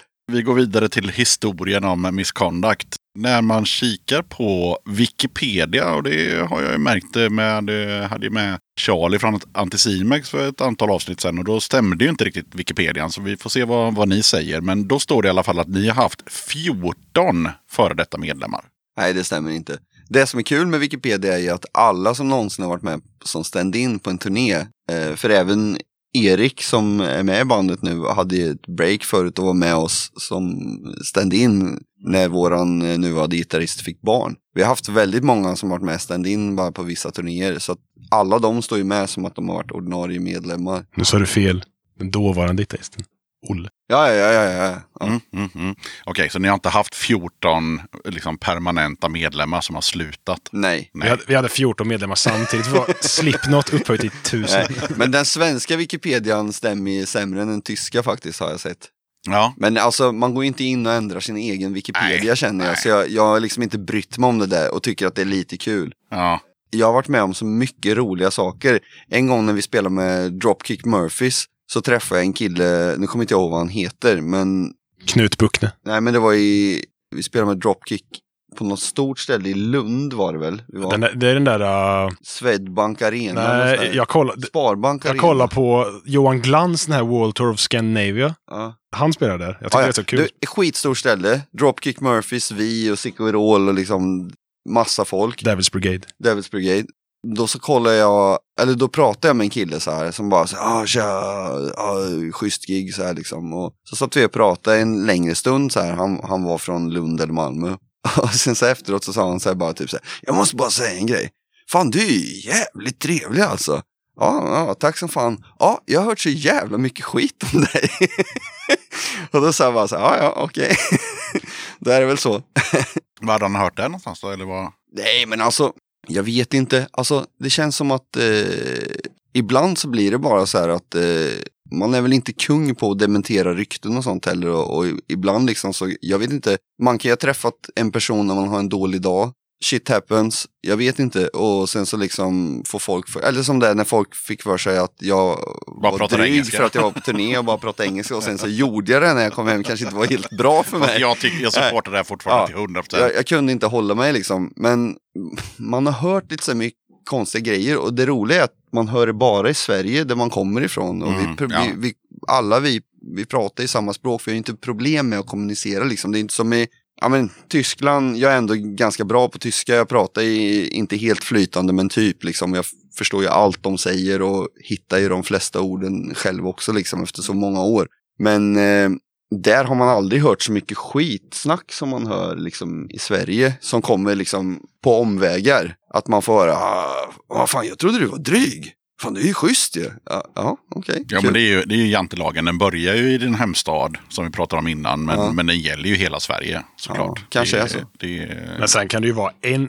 om, om det blir träligt, ifall hela bandet ska få en, om det är någon som har en dålig dag så säger någon, ja men Misconduct, de är skitdryga. Och så är det en person som har Ja. varit ja, dryg mot en. ja, men så kan det ju bli. Eh, att man klabbas ihop som, som ett band. Det, det kan ju hända. Jo, nej, men så har man väl också hört liksom. Men jag tänkte också på, eh, med tanke på hur seriösa ni är, är ni med i några, eh, du nämnde att du hade lite popprojekt och sådär. är ni med i Jehovas? Jag fick faktiskt ett brev från Jehovas igår. Ett handskrivet brev. Hej, jag heter Anna och du läst Bibeln? Så här, Det var sjukt. Eh, Jag har aldrig fått något sånt brev innan. Funderar på om jag skulle kanske skicka ett brev tillbaka och Ja. skriva Hej Anna, jag dyrkar Satan. Har Ja. du läst den här boken? Men vi får se om jag orkar göra det. Men, men i alla fall, eh, har, har, eh, har ni några andra projekt, eh, ni två som sitter här? Ihop eller? Så, Nej, bara utanför bandet musikaliskt. Ja, jag har ju spelat i några band när jag inte var med i Misconduct. Mm. Vengeance of Karma som, vi är inte aktiva nu, men vi har ju kört lite, släppt någon skiva här och där. Mm. Mm. Sen spelade jag ett band som heter Last Aid från Karlstad. Lite mer typ melodisk metalcore-ish. Sen ett, har vi ett eh, typ sidoprojekt, jag och några killar från eh, Passiv Dödshjälp. Vi har ett band som heter Fiftad. Det är lite mer typ melodisk D-takt-punk typ. Med lite så här humoristiskt tema. Jaha, okej. Humoristisk. Vi har ju haft, vi kör ju så här gröna, alltså jag känner, jag vill gärna inte ha det på mig, men vi har kört gröna strumpbyxmasker på huvudet. Ja, Men ja. jag tycker det är så jävla fånigt så jag sliter av mig den där så fort vi går på scen. ja. Så sist jag gjorde det när vi spelade i Stockholm med, vi spelade i, ja innan, innan vi spelade Var det i, Slaktkyrkan? ja vi spelade med Slack. Cannabis Corpse. Så första, ja, det första är att sliter av mig den där jävla strumpan så landar den på Joels virvel. så det blir stum virvel i hela spelet. Nej, Ja, nej, eh, jag har väl också haft en del sidoprojekt eh, genom åren. Alltså jag har inte spelat så mycket andra band egentligen som, som Simon har gjort så, alltså aktivt. Eh, den sjuan som jag visade förut från Man in Shackles var väl eh, liksom ett av de första sidoprojekten då när jag var med och spelade lite bas på en, en sjua som vi spelade in som är lite mer crust grind med folk från 59 och Burst och så vidare. Men jag har ju ett sidoprojekt som jag jobbar på hela tiden nu som är som ett soloprojekt som jag liksom tar in och jobbar med lite folk då och då. Jag har egentligen bara släppt två låtar än som heter The Last Escape. Det finns ju på Spotify. Det är lite mer, alltså, lite mer poppigt punk liksom. Det är ju fortfarande punk, men eh, lite mer melodiskt, lite poppigare. Det är lite stråkar och lite mer, jag kör lite piano ibland och, och lite sådär. Det är lite annorlunda. Jag har spelat in en del med, med andra personer liksom, gjort några duetter med, ja, med någon tjej som är skitduktig på att sjunga och jag är lite sugen på att ta in Simon på en låt som jag håller på att jobba med nu. Jag skulle precis flika in mig. Jag är ju livebasist, men vi har ju aldrig gjort något spel. Nej, nej, nej men det är så, det har inte blivit av. Alltså, jag har blivit farsa två gånger på ganska kort tid också. Och jag en gång. Ja, så det, sånt kommer emellan också liksom. Eh, och då, eh, jag är liksom ganska dedikerad med saker jag gör liksom. Så när, när barnen kom så kände jag också att jag ville vara väldigt närvarande liksom. Så det blir liksom lite paus från att sitta ute i studion och, och sen handen på hjärtat när man typ inte sover när man har riktigt små barn så eh, orkar man ju liksom inte ut. Ibland gick man ju ut i studion och somnade typ. Nej, men så, och sen så har jag haft lite så här små projekt. Jag hade ett riktigt sånt old school hardcore projekt som heter Face Forward. Men vi har liksom spelat in låtar men inte släppt något liksom. Det har bara varit för kul liksom. För att få ut sig den där kreativt. Låter väl lite mer som Misconduct gjorde från första början. De som, som gillar första demon skulle säkert gilla det. Ja, okej, okej. Va- Och de andra bandet, har de några sidoprojekt? Eller? Nej. Erik har väl kört lite i Karlstad med någon snubbe väl? Eller? Ja, men det är bara replokastnivå. Liksom. Ja, okej. ja. Vengeance och Last Aid och Fifth hade väl ändå gjort lite live-gig. liksom. William sjunger ju med ett band som heter Siberian. Ja, de är väl lite såhär sludge metal. Jag, tror de, Ja. jag vet inte vart de är ifrån. Typ, de är Linköping är de ifrån. Ja, Linköping. Mhm, okej. Och sen hade han ett band till tror jag. Vad hette de? Ja, de spelar ju med oss med Vengeance. De, vad fan heter de? De heter ju Death by Boomba, man på. Det var ju Nej. Renbergs band. Vad fan heter... Eh, ah, skitsamma. vad de heter. Ja. Men man vill ju, hade man tid skulle man göra tusen band. Ja. Jag fick en idé häromdagen. Jag, Jag och Simon kom ju på band hela tiden. Som när vi Ja. åker i bilen. Så, ah, fan vi ska starta ett sånt där band. Så kom vi på låtar i huvudet liksom. Men Ja. så blir det inte mer. Det är som Simon har ju, av hans tusen riff liksom. Så är det ju, hälften skulle kunna passa till andra band. Det är inte allt som är misconduct liksom. För vi, vi alltså, som när jag träffade Simon så var ju han en person som jag trodde bara lyssnade på In Flames, för han såg ut som ett jävla metalhead. Han var 19, jag trodde han var 30. jag var 18. 18 då, trodde jag. Nej, men för att vi hade liksom audition när han skulle komma med. Olika basister fick komma och, och testspela liksom. Och då så sa våran eh, producent, eller han är inte producent, ja, han är mer engineer som, ja, men som var med. Vi måste tillägga, han har spelat trummor i Dabas. Ja, det har han. Oj, ja, han vilket spelar- scoop. Ja. Våran eh, musikproducent, engineer-ish, Marcus, han eh, sa till mig, du det står en skäggig 30-årig gubbe där ute och ska vänta på att köra audition med er." Ja, fett, tänkte jag, så gick jag ut och kollade och sa, ja men han ser lite för In Flames ut för oss typ så här. Fördomsfull som jag var. Så kom han in och så var han 18, 19 och, 18. och hade, hade väldigt bred bakgrund. Hade ju lyssnat jättemycket på typ Red Hot Chili Peppers och Blink och massa annan punk också. Simon får ju berätta mer sen, men han har ju kommit in bakvägen i den musik som Miss Conrad spelar jämfört med mig liksom, på något sätt. Berätta lite om din bakväg med en Min gång, tänker jag. bakväg. Kom, in ba kom ut bakvägen. Nej, men man har alltid haft, alltid haft jävligt bred musiksmak liksom. Men det är som du säger, man var, när man var yngre så lyssnade man typ mycket på typ Chili Peppers och Blink är väl ett band som alltid varit med mig. Men Entombed var ju ett band som, jag har ju två morbröder som är väldigt musikintresserade. Så jag fick ju To Ride Shoot Straight and Speak the Truth när jag var typ 11. Så den öppnar väl upp liksom metal-delen liksom. Men det jag sa till, har sagt till Fred, att det är lite kul med alla, alla spelningar man har gjort runt om i Europa och så. Att man liksom får bocka av mycket så här legendband man spelar med. Simon har ju liksom lärt känna banden först Ja, men- och sen men- fattat hur stora de är. Jag åkte på turné och längtade efter, åh, tänk om jag får spela med Bad Religion en dag, jag kommer typ dö. Han spelade med Bad Religion först och sen fattade hur nej, men, feta nej, de Bad var. Religion har jag faktiskt lyssnat på sen var, sen jag var yngre. Men, ja, men jag, liksom jag överdriver. ja, men, alltså, vilka, har, vilka är Sick Overall? Ja, och så inser man att det är ett stort New York Hardcore-band och så har vi spelat med dem typ så här, i alla fall jag har typ spelat med typ så här, sex, sju gånger och det är liksom jävligt roligt. Jag ville hänga med Vinnie Stig med Agnostic Front liksom. Jag hade ju svenska lektion med Ja, och lära känna liksom under the skin. Ja, nej, men det är lite kul när man sitter och kollar. Antingen ifall någon namedroppar något band. Så här, ja, gillar du de här? Och så blir man så här, ja, de har ju jag spelat med typ fem gånger eller något. Ja, Så det är lite sjukt. Och sen, jag brukar alltid, jag har en polare från Kristinehamn, jag brukar alltid brukar reta med när han har någon bandtröja. Jag brukar alltid gå, smyga fram till de där jag spelar med. Eh, men, eh, fan det var nog band jag tänkte på.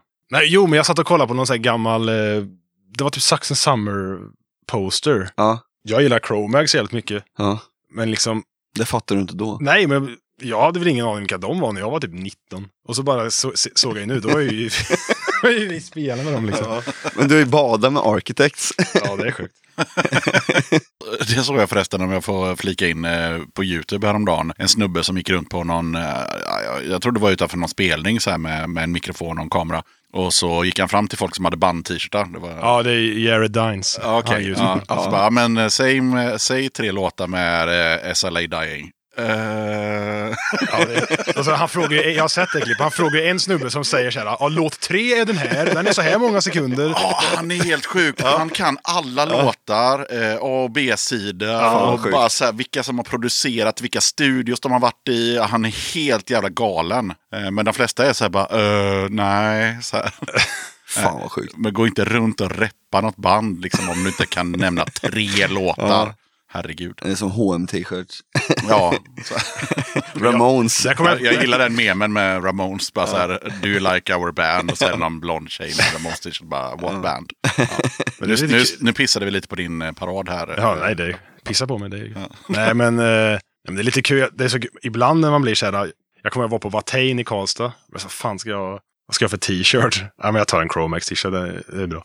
Och för där har ju, Watain är ju så här band som eh, alla, det är liksom som ett MC-gäng typ. Liksom, alla har liksom Watains skinnvästar och liksom Watain t-shirt på sig. Jag tror aldrig jag fått så mycket cred för en t-shirt på en spelning. Åh, Chromax, Age of Quarrel! Alla bara stod och skrek och liksom... Kanske. Oväntat. det, var, det var inte så Beatles-hysteri, men det var inte så här... Shit! Nej, oväntat. Nej, alltså jag har ju typ varit avundsjuk på Simon ibland, typ så här hur han har, har fått upptäcka saker ibland. Typ med, ja men så här, fattar du vad vi precis gjorde liksom? Vi, vi spelade samma gig liksom med tio legendband liksom. Och fem av dem körde före oss, vad har hänt liksom? Och fem efter. Det måste, vi snackade ju förut om eh, No Fun At All. Ja, Vi spelade med No Fun At All i Holland en gång. Det var ett förband, vi och No Fun At All. Men No Fun At All var, tv- var tvungna att åka med ett, de var tvungna att ta ett tidigare flyg. de spelade först. Så de spelade först. Jaha. Så de spelade först. Sen spelade, vi spelade där vi skulle och sen spelade förbandet sist. Ja. Så att det var ju liksom, det var inte så mycket folk där då. Så det, Det var inte jättekul för dem som spelade sist. Nej. Det kom direkt att tänka på, kan ha nämnt det här i podden innan, men det var roligt. Någon gång på 90-talet så spelade Front 2 for 2 om ni vet vilka Ja, det ja, är. eh, det är... eh, Fredrik. Industri, Ja, exakt. synt. Ja. eh, ja. Tysk då, eller? Tysk Ja. tror jag att de är. Ja, Jag blandar ihop dem med Frontline Assembly eller vad fan de heter. Ja, men det är ett helt annat band. det är mycket mjukare. Ja. Mm. Eh, Front 2 for 2 är liksom stenhård eh, industri. Eh, och de har en låt som är så som, som alla känner till och den heter Headhunter. Eh, och när de spelade på Hultsfred kanske 95 på Sahara-scenen eh, så var de ju så här, ja, vi vet att eh, 99% av de som står i det här tältet nu, de känner till en låt och det är Headhunter. Så de körde den först. Mm, så gick hälften. Det är, Åh jävlar. Men det var liksom ett medvetet val. Ja. Så här, istället för att köra hitten sist så kör vi hitten först. Ja, Ja. så var det klart. Så får vi se liksom så var det hardcore-fansen kvar sen. Exakt. Ja. Ja. Ganska hårt. ja, Ja. ett hårt statement av dem också. ja. Ja. jag tror fortfarande att det är den låten som är deras Nej, men- fetaste. Ja, ja men det, det, det, är så sjukt det där med, när man tänker efter med, med liksom, när man spelar med andra band och hur, hur man har olika approach på liksom. Som, som jag växte upp med Sikverol från första liksom sjuan typ. Och tyckte att Luke Holler var liksom signumet på hur man skulle sjunga från början liksom. Just när man spelar sån typ av New York hardcore liksom. Så. Och jag fick ju spela med Sikverol redan typ 99 liksom. Men det måste jag ändå säga ett band som vi har spelat med så många gånger som är så jävla, de har verkligen inte förändrats ett skit, så jävla jordnära, trevliga. För det är många tyvärr så här band som jag har liksom verkligen varit så här, bara fan sett upp till dem så jävla mycket och så har man träffat dem och så visar sig att de är jävla rötägg, då blir man så jävla besviken, speciellt när de spelar punk liksom och man tänker att eh, texterna är helt perfekta, de är så här open-minded och så bara är liksom douchebags. Men Sikverol liksom, de är ju verkligen så här, alltså man, ja, så jävla sköna snubbar liksom, down to earth, verkligen. Liksom aldrig någonsin varit dryga och så snälla mot sitt crew liksom så här. Sånt blir man ju bara liksom imponerad av. Såklart. ja, men det är så mycket band som är på, nu ska jag inte prata som att vi är Iron Maiden, men att eh, det är så mycket band som är på uppgång, som typ tror att de är, ska vara, liksom bete sig som Att det till. skithö skithöga. Så att mycket av de här stora banden, de är ju jättetrevliga. Och sen är det med, med de här banden som är något, någonstans mitt emellan, Mm. som är lite halvdryga. Och jag förstår inte om man vinner på det. Nej, jag träffade ju Steven Tyler en gång, världens skönaste snubbe. Han har, han åt upp dig för att han har så här stor mun. Ja. Du vet, han extra knäcker ju som sån här, du vet, när de släcker skogsbränder, vet, när Ja. de åker ner i sjön. Ja. Då hyr de in Steven Tyler. Ja, men det är, det är ju därför eh, Bruce Springsteen, det kanske inte är så många känner till, men han, eh, när han duschar så står han ju på händerna. ja. Så att han inte ska drunkna. Exakt. Han och alla grungeband. Yeah. Vad heter han? Scott Stapp. Vad heter Ja. ja, vad fan, Ja, vad vi- heter while. Vi eh, går vidare. Jag tänker att vi kör nästa låt faktiskt. Ja. Vad, vad har ni kokat ihop som låt nummer två? Det blir väl eh, Closer. Yes.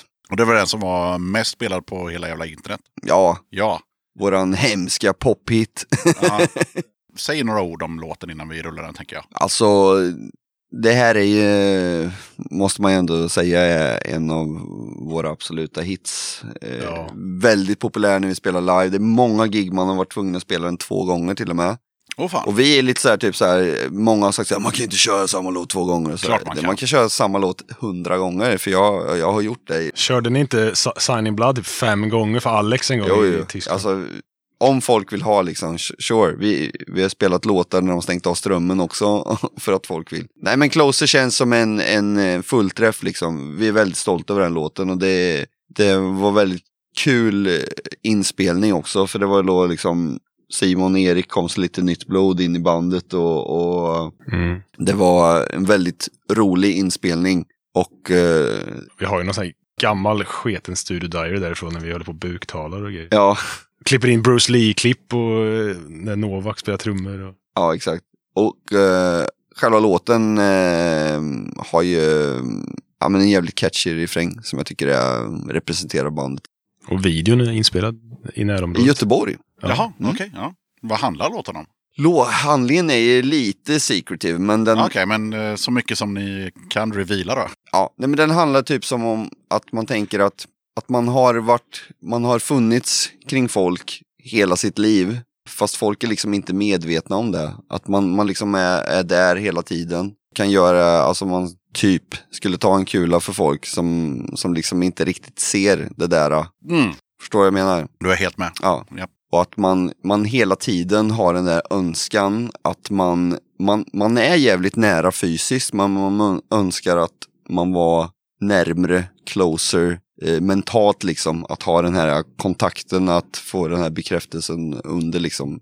För det är skillnad att vara nära fysiskt och faktiskt vara nära. Om Ja, ja, ja, gud, Alltså, ja, gud ja. att man liksom vågar riva alla murar och liksom vara den liksom 100% äkta personen. Det är väldigt mycket folk, i, speciellt i dagens samhälle tycker jag, med många sociala medier och så, som, som liksom har olika fasader beroende på vad de umgås med för människor. Liksom. Och det, jag har alltid haft liksom det tänket att man, man, man ska liksom inte bli en slav av hur samhället har bildat någon slags stereotyp för hur man ska vara som människa. Liksom. Det är det jag också gillar med punk alltid, liksom, att det är helt okej att gå mot strömmen och inte, man behöver inte vara som en armé av likadana. Det är okej att vara olika liksom. Man kan ändå mötas och ha den här kommunikationen liksom. Jag tror det är mycket saker som folk skulle vilja berätta eller säga där ute men man vågar inte. Typ den bästa introduktionen till en låt någonsin. Tack så mycket. Och här kommer låten.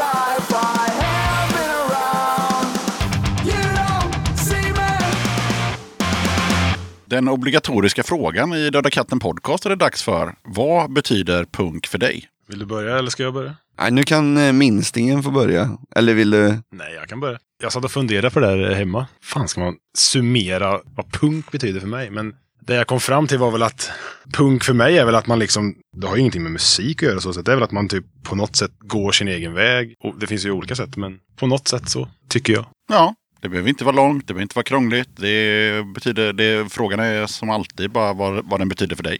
Ja. ja, jag är sämst på att vara kort och koncis, det har jag fått lära mig. Men du är jävligt kort, så det är du jävligt Kort på. är men jag är långrandig.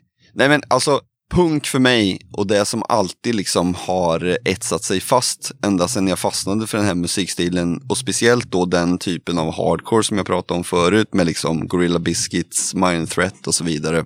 Det är liksom att ha ett öppet sinne och att liksom ha en slags, som, som är det Bad Brains som pratar om PMA och Ja. ja, som liksom positive mental attitude liksom, alltså inte Punk för mig är inte att se hinder, utan visst det finns hinder, men man kan ju fokusera på att finna sätt att ta sig runt hindren, eller över hindren, eller liksom övervinna. Och att liksom, ensam är inte alltid starkast liksom. Och eh, det är okej att gå mot strömmen. Eh, så liksom, för att summera för mig, punk för mig är liksom rätt och slätt att ha ett öppet sinne och liksom inte döma ut andra personer för att de är olika liksom. Det är det som är punk för mig. Därför jag stör mig lite ibland när någon säger liksom så ah jag älskade det där bandet på de där tre skivorna och resten var skit liksom. Eller bara för att de tycker på ett visst sätt liksom. Eller att man får inte lyssna på emo nu för att det är ute liksom. Men när, eh, Klart man får. Ja, men liksom, för förstå vad jag menar. Ja, så, ja. så punk för mig, liksom, jag har alltid varit attraherad av det, liksom, att det är okej att gå emot strömmen. Liksom, att man behöver inte vara liksom, den där uh, stöpta personen. Liksom. Ett öppet sinne, positive mental attitude, det, det, det tycker jag är jävligt bra grejer. Liksom. Absolut. Vi sa samma sak, fast du summerade det i tio Jan Guillou-böcker. Men jag säger, jag kan, jag kan inte vara kort och koncis. Nej, fast vi får nog tacka Fredrik för att han är med här. För Ja. att hade, hade vi bara ha, haft med dig, då hade det blivit en ganska kort intervju. Hej då! Men det är för att Fredde är så jävla gammal. Ja, exakt. Ja, fast jag är ju nog äldre tror jag. Nej, att- Fredde är tusen år. Ja. Ja. Det är Fredde som är han. 1005. Du, du är det där han smeden i Mio min Mio som har bott i en gruva i tusen år och smider ett svärd. Eh, vi går vidare och eh, ja, nu får vi se hur det går, vem som pratar mest då. Jag gissar på att det blir Fredrik, men ehm, klassiker. Tre band som har påverkat eh, soundet i Misconduct så mycket så att ni hade låtit helt annorlunda om de banden inte hade funnits. Bollar över till Fredrik. Ja, väldigt enkelt, väldigt enkelt. Då är det framförallt Gorilla Biscuits, Mm, Bad Religion mm, och faktiskt Pennywise. mm. Och då har jag varit ute på internet och när Fredrik svarade på den här frågan förra gången så var det ingen av de banden. Utan då var det, vi hade inte funnits och låtit som vi gör utan Sex Pistols, Ramones, Kiss etc. Men du fattar. men det var 2011 i Skrutt magasin. Men ändå. Det Fast- var, Fast det, fast det är sant också. men, men, men kanske inte direkt soundet. nej, Eh, för det är nog mer influenserna, alltså punk hade väl inte sett ut som det hade gjort utan Kiss och Ramones och, och så vidare, Sex Pistols. Men det är inte så mycket med direkta soundet. nej, jag fattar. Sa jag det till Peter? Ja, Herregud. Vet när MySpace hade sin golden era. Ja. Då kunde man ju ha så här tagga liksom influenser i. Ja, jag vet, det var jättebra. Fick man jättemycket Då fans. frågade ju jag dig så här. Jag var ju 18 och dum liksom. Ja. Men så här, varför har du skrivit Slayer? Vad fan, Misconduct låter inte ett piss som Slayer. Vadå? Jeff Hanneman är ju dyngpunk. och, och det, liksom, det, var, det var så jävla obvious.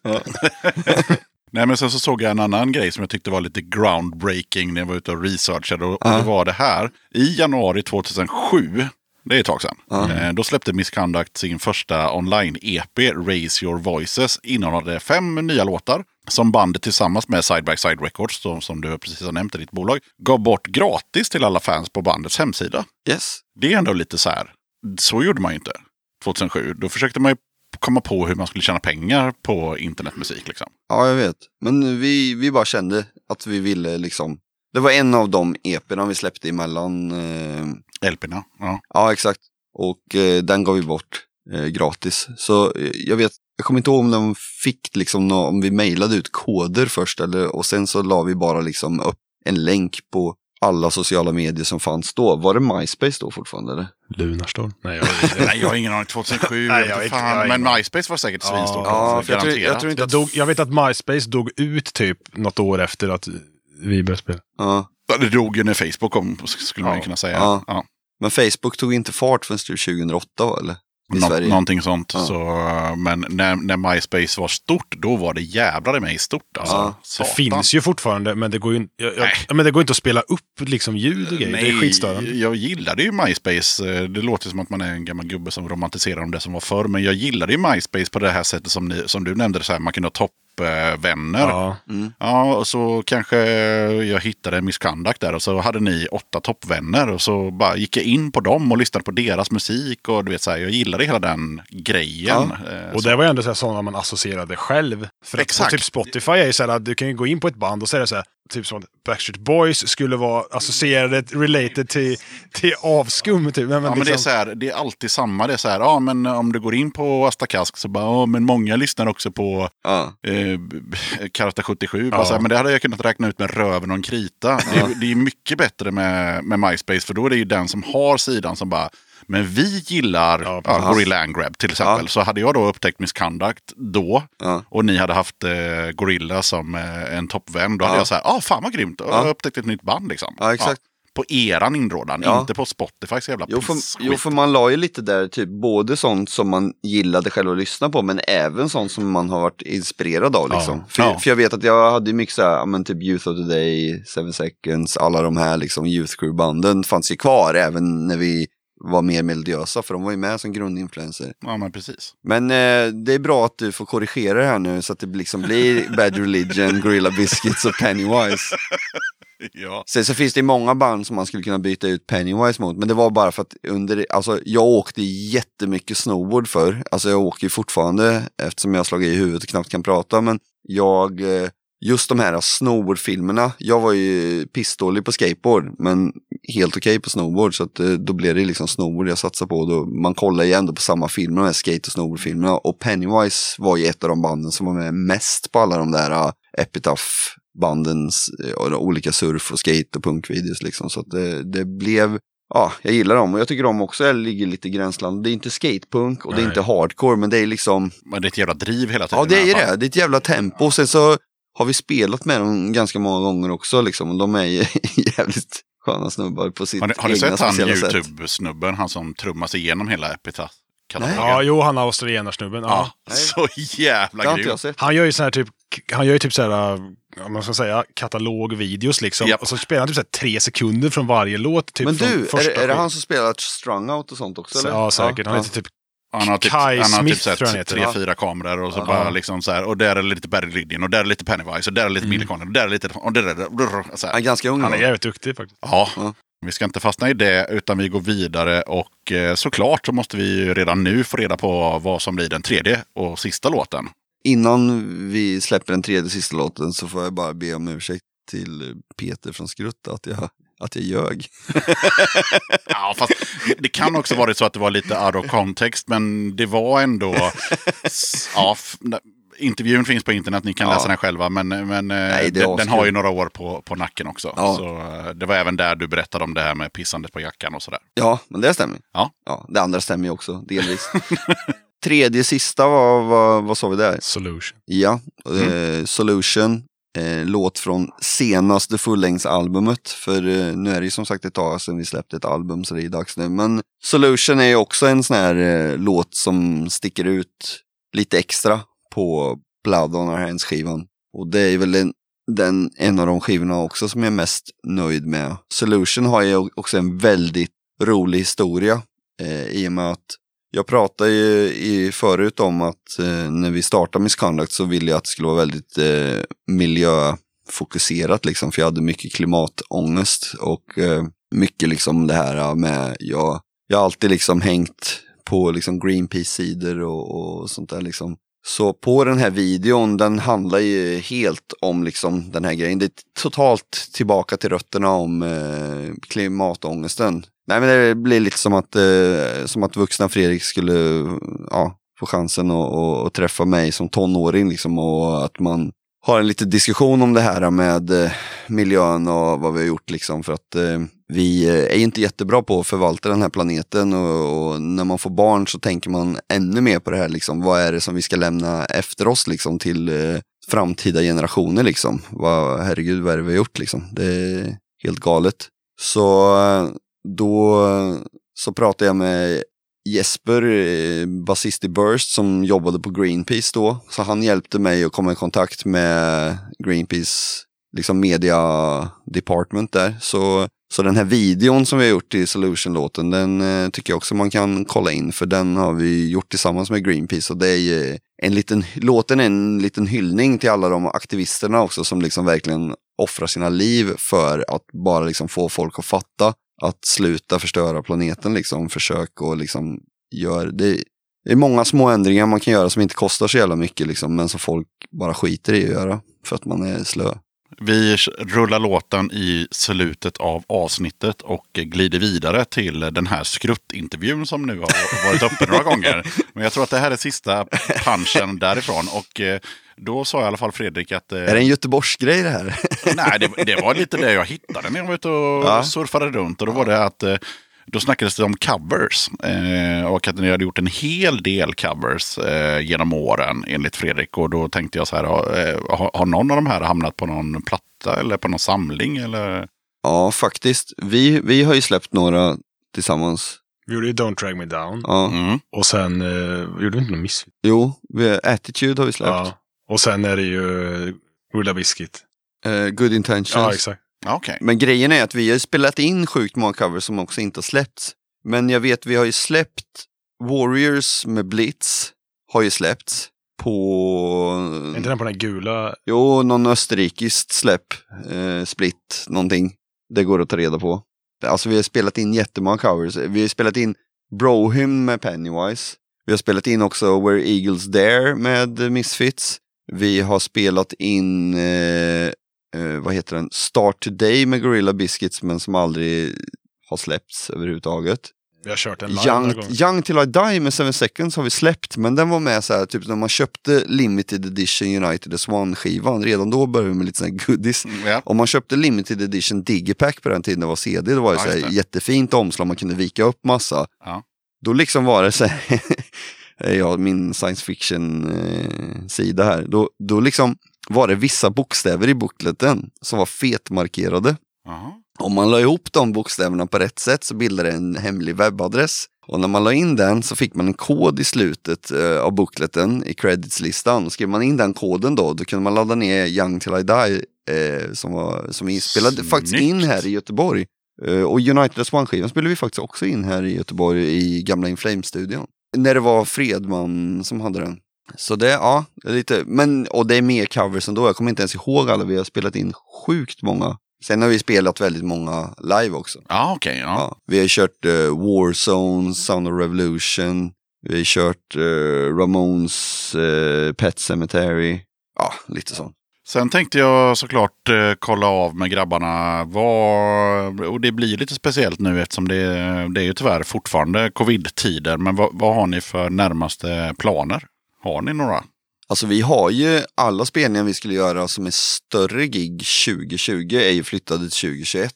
Mm. Som liksom Punkrock Holiday, Exit Fest, eh, alla liksom sådana större festivaler. Och det, alltså Punkrock Holiday är en, är ju en ren punkfestival liksom, men det är ju ändå liksom med Bad Religion och NoFX och, och liksom, Descendants spelar. ja, Descendants tror jag. Eh, Och det är liksom, ja men typ, jag vet inte om det är 10 000 bara Die Hard punkfans liksom. Så det är en väldigt speciell festival och den är liksom i Slovenien i en nationalpark i Tolmin. Det är liksom så gröna floder från bergen och det är helt speciellt.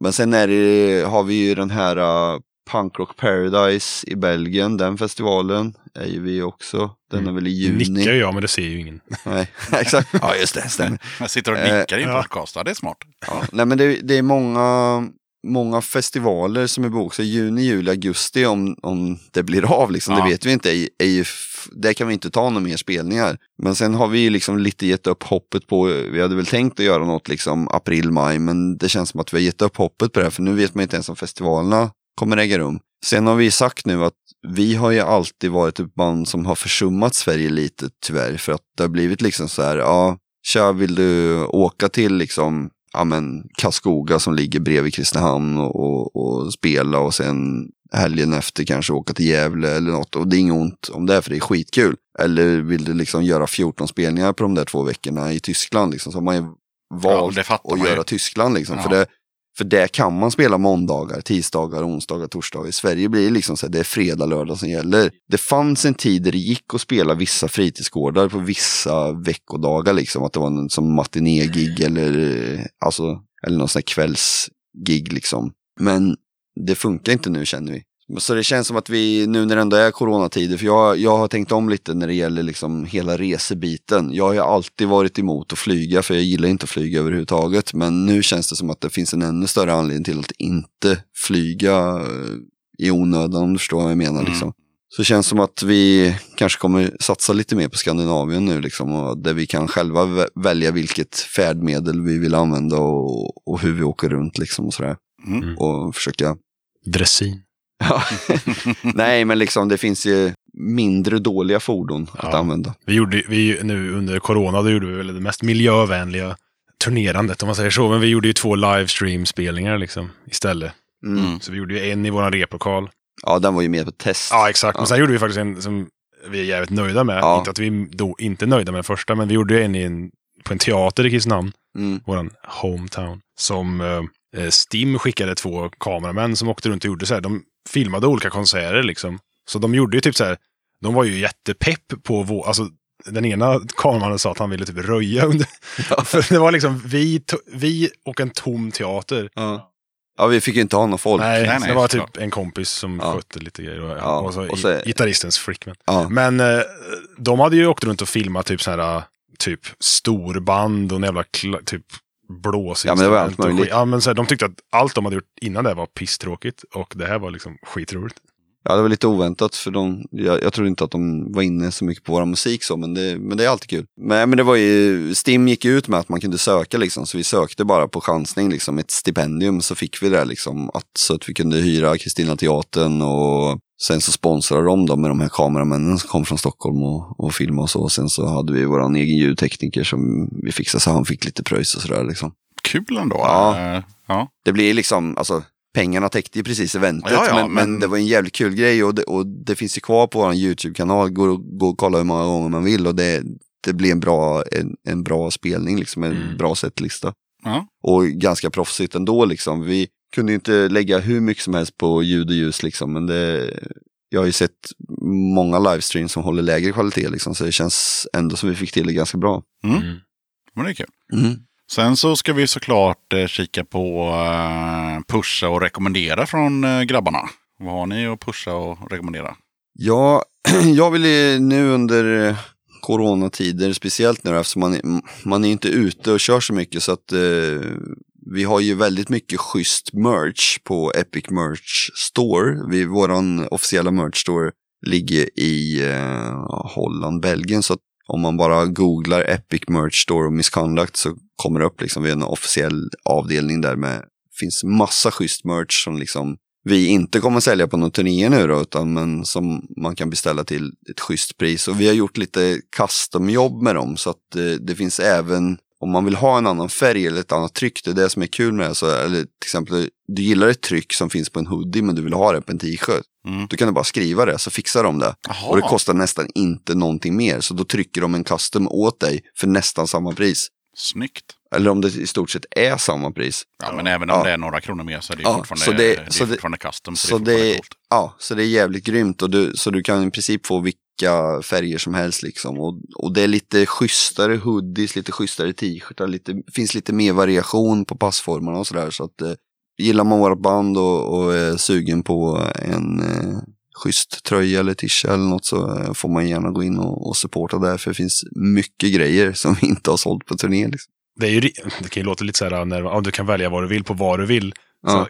Det är ju liksom riktig merch. och Det är schyssta grej. Det är inte så här pot pot potatistryck. Nej, Nej, men det tror jag folk nej. fattar. Det tror jag folk fattar. Nej, nej, alltså Nej. eh, mössorna och kepsarna liksom är ju super s- high quality brodyr och sånt. Alltså, Ja, det, är ja, inte, liksom, det är inte ens, kepsarna och mössorna har inte ens tryck utan det är brodyr. Mm. Ja. Och det är ju, det, det här är ett väldigt seriöst bra för, det är skit, går man in där ser man ju, det är många band som har dem som sin officiella liksom, men det, det är jävligt schysst grejer. Ganska snabb leverans också, fast tar inte många dagar längre än att beställa från Sverige. Så det är schysst. Sen eh, vill vi gärna pusha för våran eh, One Step Closer limiterade vinyl då. Nu ser ju inte folk här, men Fredde Nej. håller upp den. Jag, Ja, ja, håller men jag håller mest upp den för Yxans skull här. För Mm, att han ska tack. se hur fin den är. För han kommer ju få en till sig själv också. Få välja någon färg här. Ja.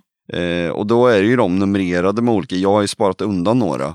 Eh, och jag har ju gett ett gäng, eh, eller skickat ett gäng till Sound Pollution. Så att eh, ja, de som inte kan få via dig då, om det är någon tävling eller vad det nu ska vara, kan ju gå in på Sound Pollution och, och beställa den. För nu finns det kanske, inte jättemånga, men kanske 30 ex som, som av lite blandade med, med limiterade färger.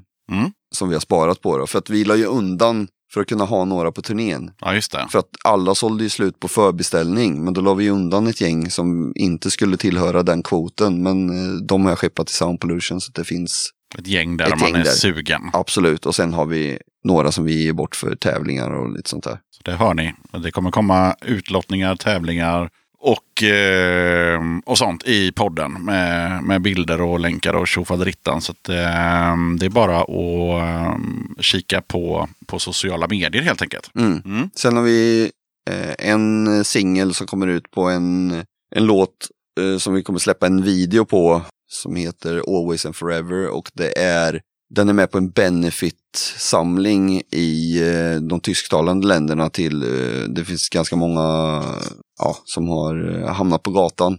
De har ju lite större problem, eh, lite mer människor än i- Sverige. Så att, eh, då var det ett projekt som en kille i Österrike drog ihop för att samla in lite pengar till sådana som bor på härbergen och ja, kanske inte har någon fast adress och så här. Så alla pengarna går till dem då, så där kommer vi släppa en video till den för att pusha liksom den skivan lite extra. Den kan man gå in och, och köpa på deras bandcamp. All, all sån här uh, information finns i våra sociala medier, Instagram, Facebook. Om man kollar runt, det är inte svårt att hitta. Och sen så kommer vi även släppa en video eh, som blir en liten, eh, ett retrospektiv lite på den här One Step Closer-släppet liksom. Det blir som en återsläpp eh, av en singel vi aldrig släppte som kommer komma i en liten annan variant. Och den heter Family. Ja, men då har vi bra koll. eh, Och eh, ja, för er som inte vet så har jag faktiskt eh, Misconduct också en sån här hemsida som jag har nämnt i tio avsnitt nu som jag gillar. Att man har en samlingssida. Så att den är misconduct.com eller? Nu, Punkt .nu. ja. Det är nu som gäller. Misconduct.nu. Om ni går in där så kan ni därifrån flyga vidare till YouTube och Facebook och allt sånt där kul. Så hittar ni all information. Men ha, hade ni någonting som ni ville pusha för? Alltså typ så här band eller sådär? Alltså förutom Misconduct? Ja, Vi kan ju prida lite Kristinehamn. Ja, Ja, det Vi tycker kan ju jag. prida lite Kristinehamn och Göteborg. För två medlemmarna bor i Kristinehamn och två bor i Göteborg. Ja, ja. Insane från Kristinehamn såg jag skulle släppa en ny skiva. jaha. Åh fan. Det är ju trash metal. Ja. ja, men det är kul. Ja, Insane, de hade ju någon, eh, något jubileum som vi var på. Mm. Ja, men nu så släpper de en ny platta. Alltså. Mm, och så har ja. de släppt en i, idag. Ja, Idag? Jag är, inte, jag är inte helt. Jag kan vara ute och cykla, men jag, vet, jag såg typ igår på Instagram att de skulle släppa en ny skiva. Ja, och för ni som undrar när det här spelas in så spelas det här in den eh, Sjätte. eh, 6 februari. Ja. Så att det, det, det har inte gått så Jag kan, många dagar. jag kan säga, Jonny som spelar trummor i Insane, han har jag på min mobil. Här. Ja, Han står med Bobby Liebling i Pentagram. ja. Ah, jätteful. snyggt. Han är också en riktig Kristinehamnslegend, Johnny. Han är Han spelar ju trummor i Avskum. Ja. Och han spelar trummor i Vengeance som Mm. jag spelar. En mångsysslare bakom trummorna. Ja. Ja, jag skulle i och för sig vilja pusha lite internationellt också. I eh, Kanada som jag har nämnt lite, i Quebec-provinsen så finns det ett, ett band som heter Hipshot som är gamla kompisar till oss. Eh, lite blandade medlemmar från band som vi turnerade med förr i tiden som har åkt med oss som lite support. De eh, släpper en eh, ny video som faktiskt jag har varit med och sjungit, eller mimat till. Det är lite sånt, ja, gammalt klassiskt eh, koncept. Det är många artister som de har träffat och turnerat med har de bett eh, filma en sekvens till deras video. Så självklart ställer man upp. Men så jag tycker bara man kan kolla in det bandet. Eh, låten fastnade direkt i huvudet på mig. Så Hipshot från Quebec, Kanada. Mm. Tycker jag man kan kolla in. Klockren eh, pushning måste jag säga. Mm. Döda katten podcast.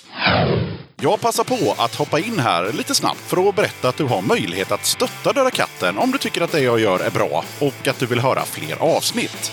Döda katten sträcker ut en hand för att få hjälp med att fortsätta leverera avsnitt om punk och alternativscenen med regelbundenhet. Att driva Döda katten podcast medför kostnader i form av ljudhotellshyra, porto, teknik, domännamn, program, inköp av merch, resor och en hel del annat. Om du vill hjälpa podden ekonomiskt så är det ovärderligt. Det hjälper mig att driva podcasten men även utveckla innehållet, dels gällande gäster men även ljudkvalitetmässigt. Du måste absolut inte vara en Patreon för att kunna lyssna på podden. Döda katten kommer alltid att vara gratis för dig som lyssnar. Men om du kan tänka dig att månadsvis bidra med några kronor så kommer ditt stöd verkligen att uppskattas. Jag gör inte podden för att tjäna pengar. Jag gör det för kärleken till punken, för alla möten med härliga människor och framförallt för er som lyssnar. Eran feedback är den största anledningen till att jag fortsätter. Kika gärna in på patreon.com dodakatten. Länkar till kattens Patreon-sida hittar du på Döda Kattens Instagram, Facebook, Twitter och eh, på dödakatten.se.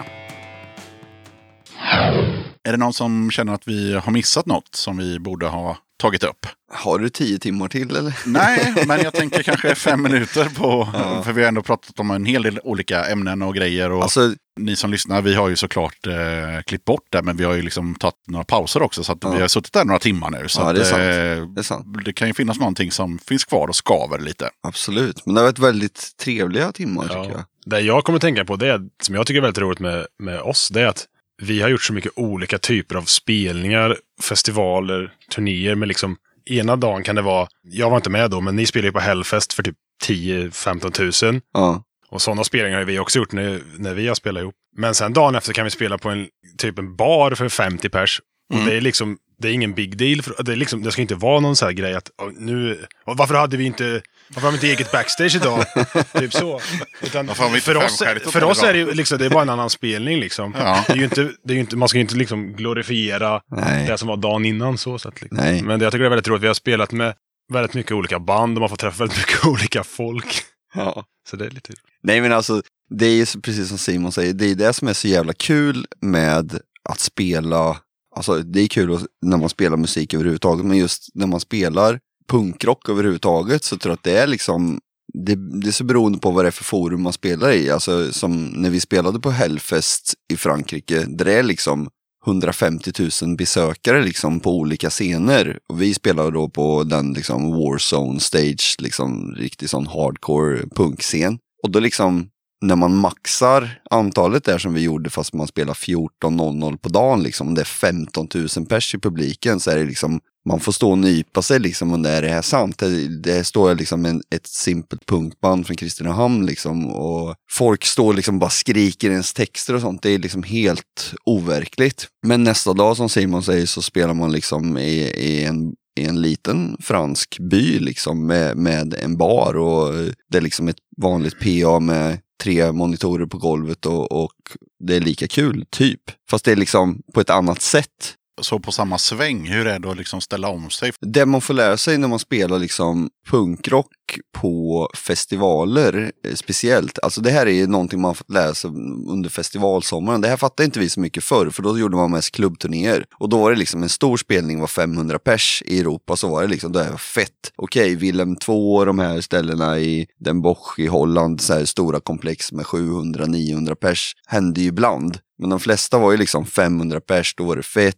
Och sen var det många liksom som låg runt 200. Men det var inte ovanligt att det var liksom slutsålt på de flesta ställen ställena. Men man låg ju där kanske pendla mellan 200 och 500. Men när man spelar festivaler och vi gick över mer till att vi turnerade mer på sommaren än på våren och hösten. Då blir det att du måste fylla upp dagarna när du är ute på turné. För du spelar ju kanske en festival i Spanien på fredag och sen på lördagen så spelar du i Frankrike så att du liksom, det blir ganska intensivt resande. Och sen så däremellan så ska du ta det någonstans i väntan på att du ska spela i Italien och sen vidare upp till Schweiz eller vart det nu kan vara. Och då måste du ju göra även klubbspelningar. Och du kan ju tänka själv på sommaren när folk liksom bara spelar festivaler så finns det inte hur stora budgetar som helst heller att fylla upp liksom. Så ofta så hänger man ju på och spelar, ja men som vi har ju varit på turné ibland med Agnostic Front eller Madball och då har vi liksom spelat festivalgig själva och sen har vi mötts på klubbspelningar då har vi fått haka på dem och spela liksom direct support till dem och så har det varit några lokala förband och det blev en skitkunglig spelning i alla fall. Men ibland finns inte den möjligheten och man måste då köra en spelning för 100 pers. Mm. Och vi är ju liksom så här, alltså vårt motto har ju alltid varit som vi startade liksom att det ska inte spela någon roll om det är 5 eller 500 pers. De fem som är där och har betalat inträde ska ju få 100% misconduct i alla fall. Så det är ingenting att man ska hänga någon läpp där och, och tycka att man är rockstar som liksom, nej då skiter vi i det. Inte alls. Och det, och det tycker jag faktiskt vi är bra på. Ibland har det faktiskt blivit att vi liksom nästan bjuder mer på oss själva när det är ett mindre ställe och man, man får den här kontakten med folk och känner liksom att nej men vad fan, de har ju tagit sig hit nu liksom. Det är klart vi kör fler låtar om de vill ha det. Det kan ju bli så att liksom de här lite odd out, eller vad säger man? Ja, men liksom, ja. men så här, de här, vi var ju någon gång vi spelade i Italien. Vi hade spelat någon, någon festival dagen innan. Och sen så dagen, alltså, då råkar ju han som har bokat den här spelningen missat att typ Italiens Green Day typ spelar gratis en mil därifrån. Ja, just det. så vi spelar ju på en, jag vill gärna jämföra det här med, ni som är från nej, Kristinehamn. det här är kul. Ja, men, Det här är ja. kul som du ska berätta. Ja, Ja. men vi, så här, vi spelade, jag tänker så här, vet, så här allmän toalett.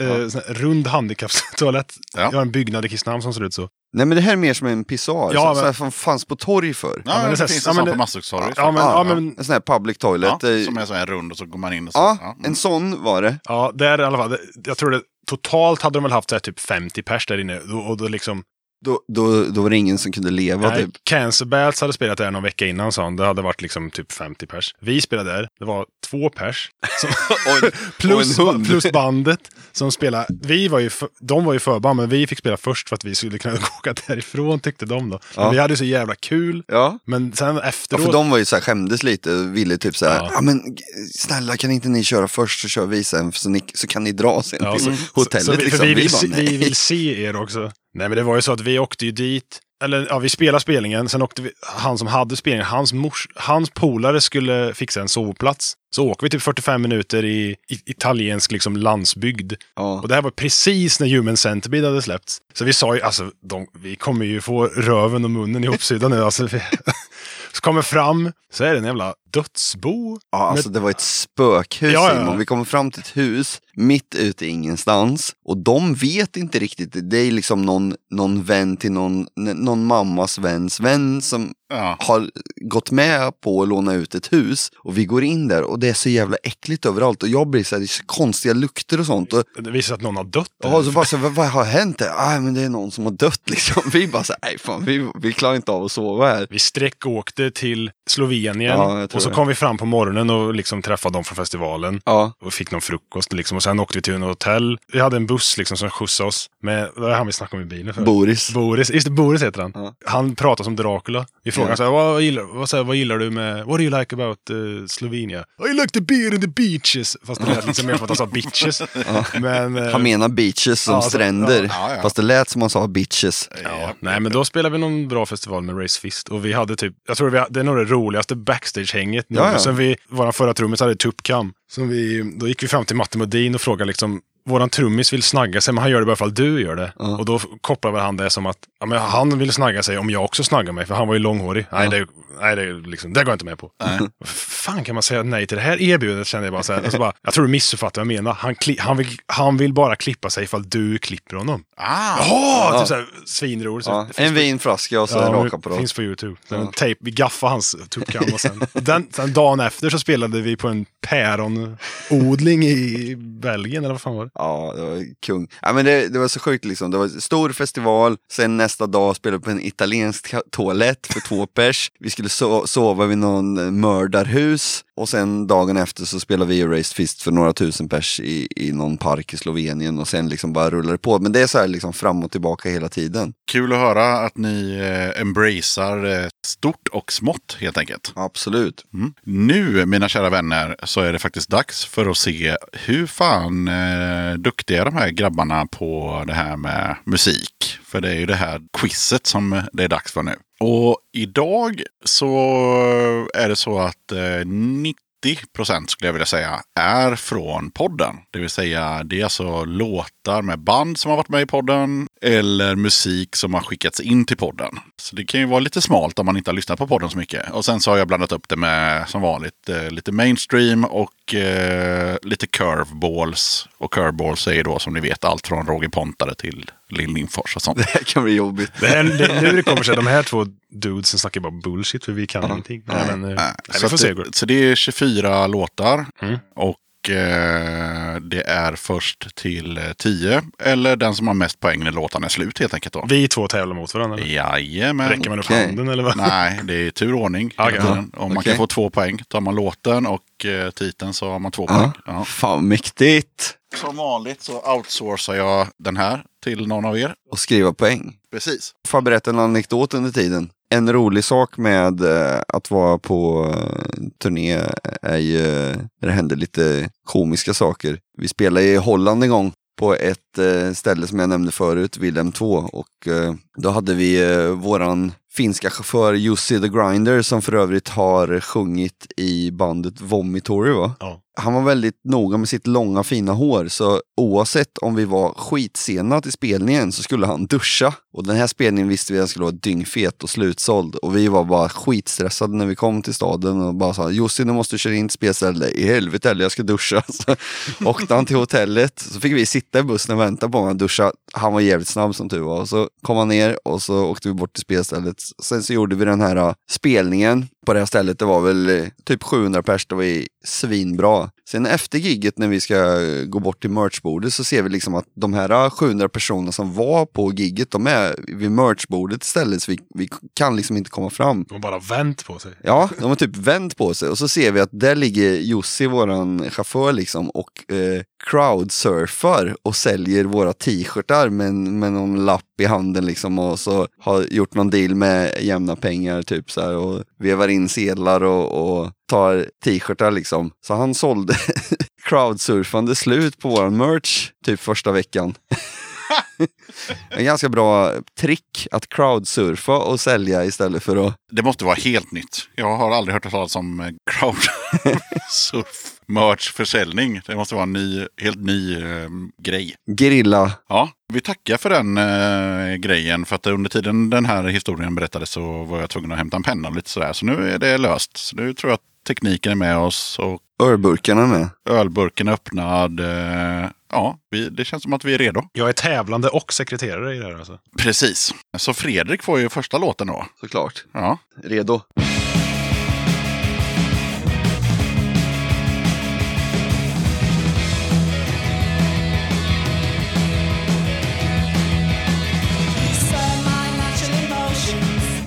Jag känner igen det.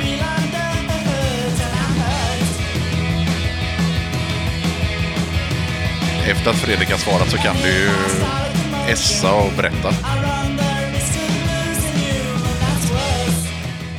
Fan vad dum jag känner mig nu. Står helt still i huvudet. Varken låt eller artist. Nej, Jag har hört den här låten förut, men jag kan inte... Jag trodde det var Världen brinner först, men det var ju en, det var ju en kille som... Ja, det är ett tips som jag sagt i några tidigare avsnitt. Vänta gärna tills sången kommer. Det är inte alltid att det kommer någon sång. Ibland så är det så här, det är för tydligt så att jag har tagit bort sången. Men, men eh, det har hänt några gånger att folk har eh, giss- gissat på The Charge och så, så hör man att eh, han, man, det, han sjunger på svenska. Så det är smart att vänta tills sången kommer. Har du någon gissning Fredrik? Nej, det står still. Det Ja. står helt still. Och jag känner igen det. Det var Buzzcocks med Ever Fallen in Ah, Love.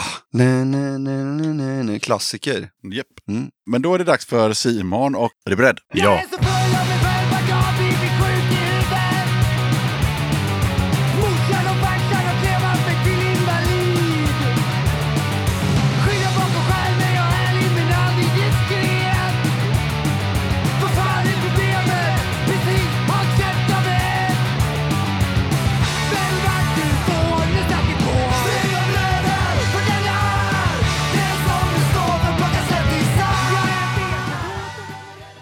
Försöker ju så här tänka Jag, jag vet inte, jag, kan, jag försöker så här gissa fram vad det är. Ja, men det kan man Ifall det är göra. något bandnamn jag liksom... Det där var jävligt bra. Mm. Ja. Fan vilken bra refräng. Det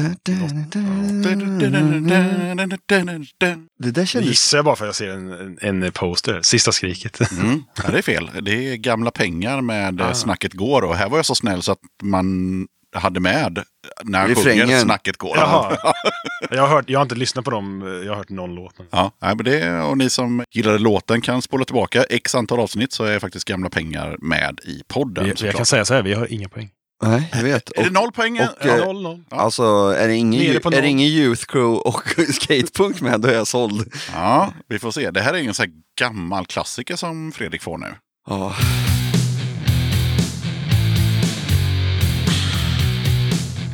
We pretend that we're dead. Yes.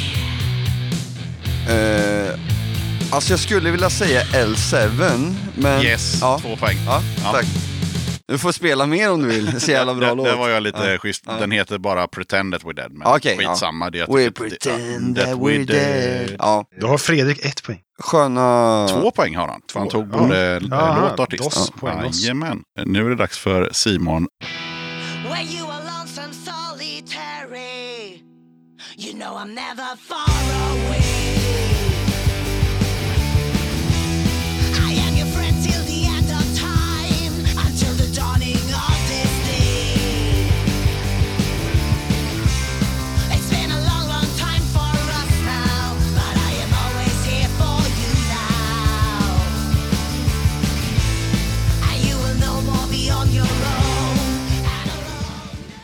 Det låter som att det är ett brittiskt punkband med en kvinnlig sångare. Bara för det så är de säkert svenskar. Men eh, jag har ingen aning. Har du någon gissning Fredrik? Nej, men jag kände att det skulle komma en refräng precis där. Ja, det var därför. Det... Som skulle avslöja Ja, mer. ja, you are not alone. Radio Rebelde med eh, The Baboon Show. Och de, Ja, är, ja, de är från- de är verkligen från Sverige. Ja, de är från Stockholm. Ja. Men vad Nej, är, de är vad från är, Luleå. Jaha, ja, Ja. men de... men hon, hon bor hon i Stockholm? De kanske bor hela bandet i Nej, Stockholm. så men- här är det. Jag har en polare som bor i Stockholm som gillar dem. Jaha, men vadå, är de från Luleå? Ja, det tror jag eftersom de har ju en låt på Spotify där de sjunger om eh, Luleå Hockey. Jaha, okej. så- För jag vet Baboon Show har ju liksom gått om oss ibland när vi har turnerat. Så Liksom, de är svinstora. ja. De spelar ju... Tyskland är de Tyskland är jättestora. de så Ja. här stora. Ja, jo, men Det är jag, helt jo, men jag har Ja. sett Du, vad det. fan hände, på tal om ingenting, vad hände med The Bones? Ingen aning. Vi skiter i det, vi går Ja. vidare. Vi tar det i bilen. Fredrik får en riktigt eh, hård låt istället. Okej, says, nej vad jobbigt när man inte känner igen samplingen. Fan.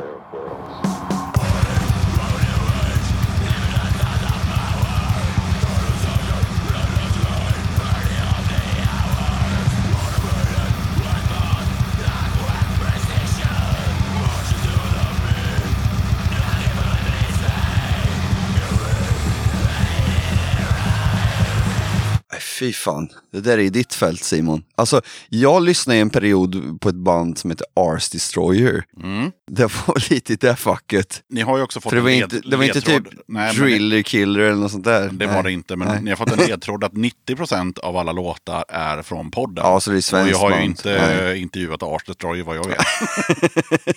och jag tror inte de har skickat in någon musik till podden heller. Nej. Alltså jag tror inte de är, att det är det här bandet, men jag, det, är det första jag tänker på är Gadget från Gävle. Ja, nej, det är eh, AF-grund. eh, Med Limitless Source of Power. Då är det Simon va? Mm. Vad finns kvar när vi alltid ska ta det så jävla försiktigt? Vad blir kvar när man har glömt bort det som en gång var viktigt? Var det gnistan, var det glädjen, var det glöden? Är allt bara borta?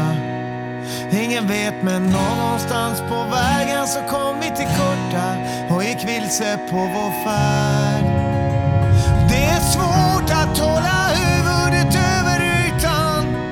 Jag försöker se Jag tror att det är Lastkaj 14. Det är det. Ett poäng. Kände igen Pierres röst. Du kan ju få ett poäng till också om du säger vad låten heter. nej, jag vet, nej, jag har ingen aning. Jag är ingen aktiv lyssnare, men jag tycker de är bra. Ja. Mm. Becksvart. Ah, För visst är det Pierre som sjunger? Jajamän. Från Skumdum. Jajamän, visst är det så. Han har också en solokarriär och jag har spelat hans sololåtar i podden. Han finns på Spotify och så vidare. Fredrik, är du beredd? Ja, så beredd jag kan vara. Curveball.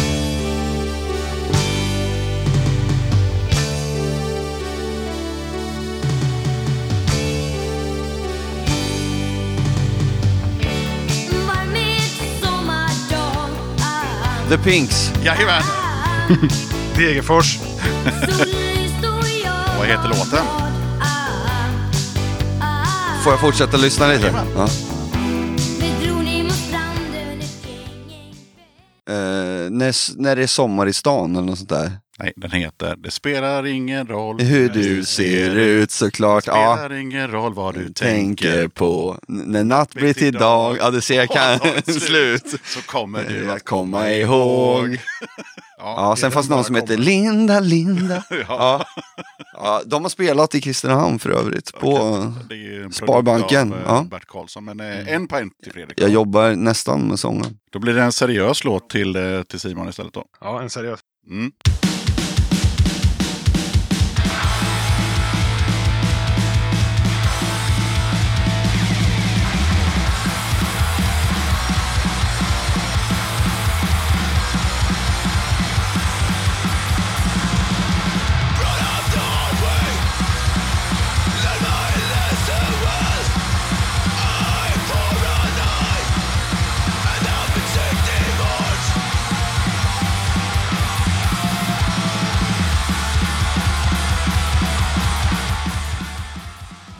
Jag hörde inte om man sjöng på svenska eller engelska. Engelska. Okej, discharge. Nej. Eh, ledtråden är som sagt var att det är band som har varit med i podden och som har skickat in musik till podden. Jag tror jag inte har intervjuat Discharge. Jag tror Nej, inte okej, att... Okej, förlåt. Ja, då, då är väl Anticimex. Nej, De- Deny. Jaha, ja, ingen. Från eh, Skaraslätta eh, är de ifrån. Passerade vi där förut. Skara, ja. Alla som eh, tycker är icke-punk får hata mig. Ja, men det, jag tror det var en låt från deras senaste eh, platta, Dystopia. Okej. Bandet har varit med i podden. Nu kommer ett band som inte har varit med i podden. Ger jag som ledtråd till eh, Fredrik.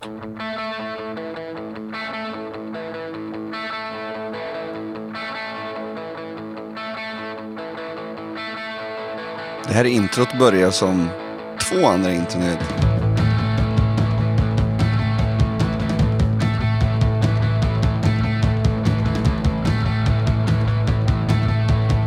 Men det är inte Tom Petty. Det är Nej. inte Gyllene Tider. Nej.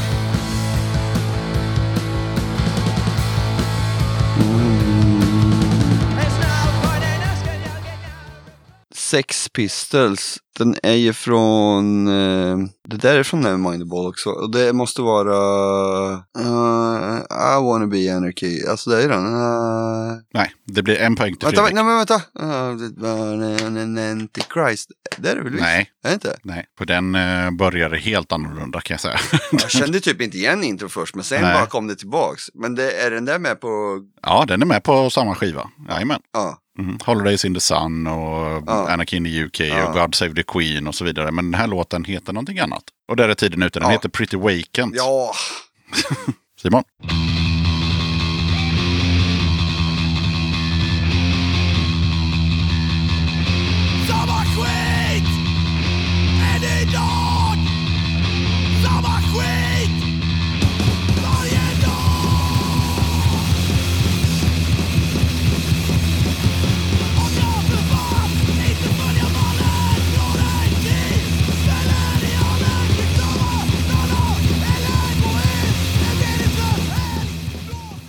Låttiteln borde du kunna ta. Ja, Samma skit. det heter den. Ja, en poäng till Simon. Ja, och det är Var jag snäll där? Jag försöker så här, plus, pussla ihop vilka så här svenska band man ändå i den här genren man har sett, liksom bara namnet. Men låten var jävligt bra, det jag hörde. Men, eh, och de har varit gäster där. Ja, De har varit involverade i podden på något sätt i alla Ja, fall. okej.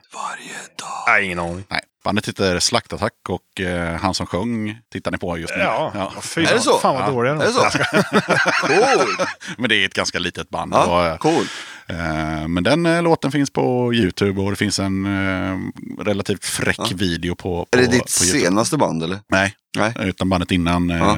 Vi höll på 02 till 12. Ja. Eh, Och den här låten heter som sagt var Samma skit. Jag fick ett poäng. ja, jag tycker också det lät Ja. bra. Men det lät lite old school. Ja, Ja. Det, är, ju- det är det ju. Det är vanlig, vanlig helig jävla käng liksom. Ja, Ja, inga krusiduller. ja. Och så tyckte jag det var lite med Nerin uh, ryggpatchband där utan. Ah. Eh, när de kom in, jag såg dem första gången i Mariestad så kändes det typ så att det var, jag förstår vad du menar, för det var liksom, det var klassisk käng, men de gjorde det med någon ny finess. Med någon liten touch, ja, Som var precis. liksom mycket mer professionellt på något Ja, sätt också tyckte jag. var. De stack ut direkt. Jajamän. Jag bara kände efteråt att jag var i ett golvad och jag brukar inte bli golvad av den musiken. Nej, Ja, vad jag precis. Nej, precis. För jag sa det är inte min genre egentligen, Nej. men de gjorde det så att det var något annat. Det nämner ju pastoratet i sitt avsnitt också när de säger vargarna. Ja, ja. Då menar de Wolfpack. Ja. Ja, nu blir det ju en curveball igen till Fredrik. Ja, vi får se. Mm.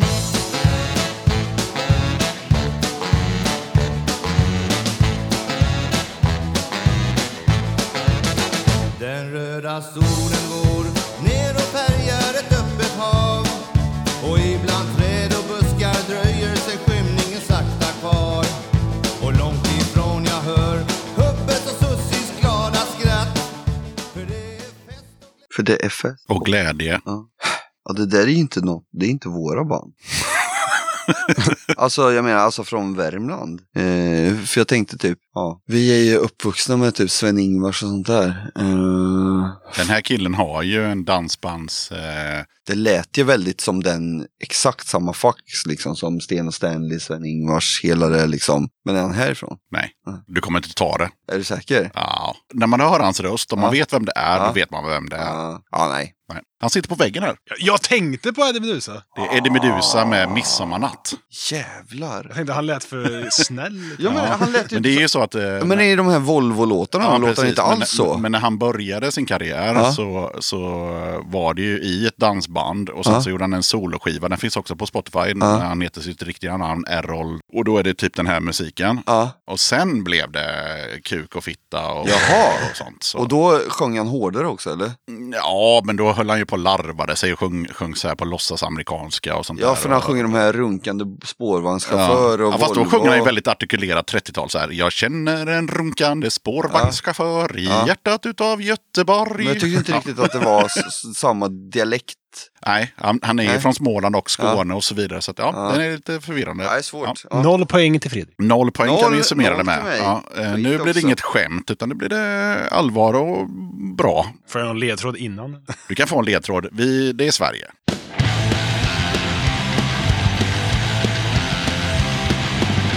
Här höjer man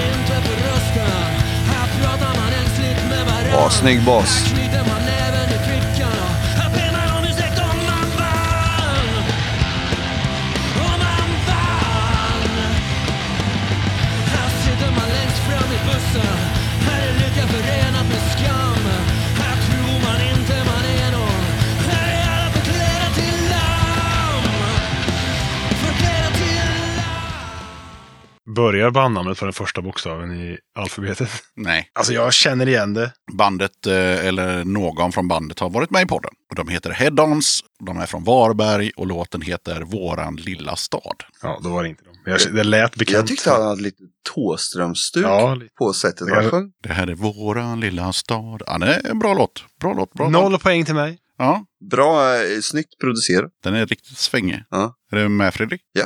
Mm.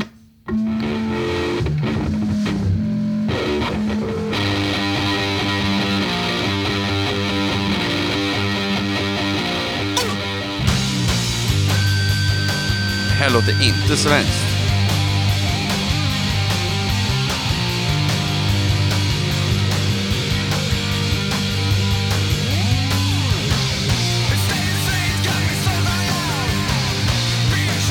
Alltså det här är Hellacopters för mig. Jajamän, Ja. ett poäng. Och det, ja, det låter ju Tennessee rock'n'roll. Uh, Chuck Berry. Um, fan är det för låt då? Det måste ju vara från typ Super Shitty to the Max. Nej, gud nej. Nej. Då är det ju bara fullt ställ och distad sång. Och inte bara- Pain the Ja, Deuce-tiden det, jag kommer heller. inte ihåg vilken platta den är ifrån. Den kan vara från någon 12 också. Eh, Ja. Men det är när de taggar ner det lite helt enkelt. Ja men, det, ja men det här är innan High Visibility och Toys and Flavors. Ja, och ja, snygga, gud ja. liksom. ja, men, ja. men efter eh, Super City så är den här Ja, för, för, för jag vet att Grand Rock för mig markerar ju typ att det blev en väldigt annan... Grand Rock är väldigt Kiss. Ja, då blir det ju liksom där Ja. Devil stole the beat from Ja, the Lord. ja, jag, jag tycker det är världens bästa låt. Svin... Ja, eller hur? Ja, Eller hur? Andra gången Pianot, i podden. ja. Yes! Devil stole the Beat from from the Lord. Lord. Ja, så jävla bra. Kung. Men du kommer nog kanske inte komma på vad det här är. Nej, Nej. men jag hör ju att det är Helicopters. Men det är, nog, det, det är inte någon av mina favoritlåtar heller. Nej, ja, det är en ganska suggestiv, långsam, tuff låt. Den heter Born Broke. Ah, okej. All right, all right, all right. Okay. Kul att man tog ett poäng i alla fall. Ja, vad, vad är ställningen just nu sådär halvvägs igenom? Ja, Simon Fem- skriver ju bara ner sin egna Ja, exakt. Jag har 12. Nej, jag skojar. Fem, två till Fredrik. Ja, okej. Ja, då är det dags att ta lite poäng här nu då. Jag säger som vanligt, det är ledtråden du får är Sverige.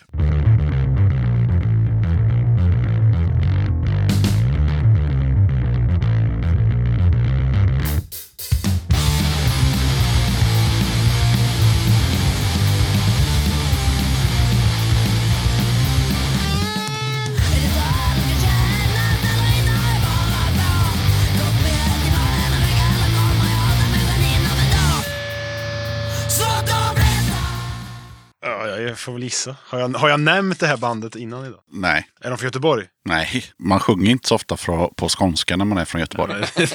jag, försöker, Inte så ofta, man kan ju ha flyttat hit såklart, men ja. jag tänkte ifall det var... Fan, jag. Eh, nej, jag har ingen aning. Nej, det var Slöa knivar. Ja, vad fan. Och låten heter, eh, den heter Hjärtat stannar. Jag tror det är deras mest spelade skrev jag låt. här? Två poäng. Fredrik, Mm. Sverige.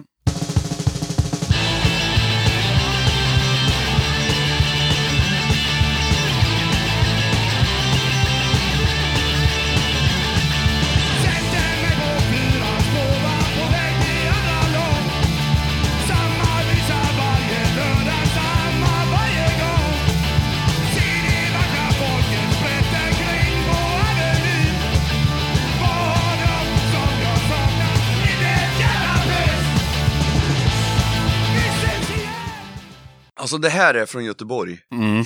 Det här bandet är från Göteborg. Här sjunger man om spårvagnar om och om Avenyn och sådär. Ja, men det var inte det. det, det... Du bara hörde den då? Ja, Ja. Och, och de här har vi spelat med. På någon jävla punkfestival i Sverige för tusen år sedan. Eh, de har funnits länge, eller hur? Mm. Fast det här bandet finns inte längre. Nej, för jag tänkte typ gissa på typ såhär Troublemakers eller något. Och det hade varit fel. Jaha. Jaha, inte attentat eller något sånt där. Nej, det så gamla är inte de här grabbarna. Nej. De är i 40-årsåldern. Och attentat och troublemakers är 50 plus. Ja, men ja, fan. Alltså det känns ju så jävla bekant. Det känns som jag har hört den låten live. Så vad störigt. Sångaren är född 1977. Är en ledtråd. Han är alltså ett år yngre än dig. Hmm. Så Jag ung. vet det är för att de har en låt som heter någonting med 1977. Bandet efter det här bandet. Mhm. Inte det här bandet alltså. Nej. Nej men du, vad hette de där som vi spelar med här? Eh, på Sticky Fingers. Åh, Som spelade, vadå, med? de har ett engelskt namn, eller? Kan det vara? För, för de sjunger på svenska, eller hur? Ja, men de det- har ett engelskt namn. Det är Ja, det som är så okej. jävla missvisande. Ja, så mycket kan jag hjälpa dig. Ja, men jag vet att det, jag, jag vet ju vilka det är nu, men jag kommer Mm. inte på det i huvudet. Det är så jävla störigt. För att han som är med i det här bandet, City Saints, är det Nej. de? Nej, okej. Nej, det här var Pistol Mob. Vi ses i Göteborg heter låten. Och eh, sedermera blev ju hälften av medlemmarna eh, medlemmar i bandet Trubbel. Eh, Ah, Trubbel, och, så det är samma sångare då. Eh, han är född 1977 och Mm. ledtråden är, var ju ganska bra eftersom de har en låt som heter Trubbel har en låt som heter Ingenting har hänt sedan 1977. Mm. Men City Saints är härifrån? City Saints är från Göteborg. Ja. De har varit med i podden och de spelar ju lite mera... Är inte en eh, där det- Kiss-fan? Jo, men de är ju mera Street? street Ja. eh, punkband. Ja. Okej. Yes. Noll poäng till Fredrik. Noll poäng blev det efter den långa utläggningen. Men Pistol Mob i alla fall. Pistol Mob, det ska komma ihåg. Och det är trubbel numera. Jajamän. Och Pistol Mob har en annan låt också som är sinnessjukt bra som heter Time Heals Nothing. Och de har låtar på engelska också? Ja, Time Heals Nothing. Sjukt bra låt. Men eh, Simon, är du beredd? Ja.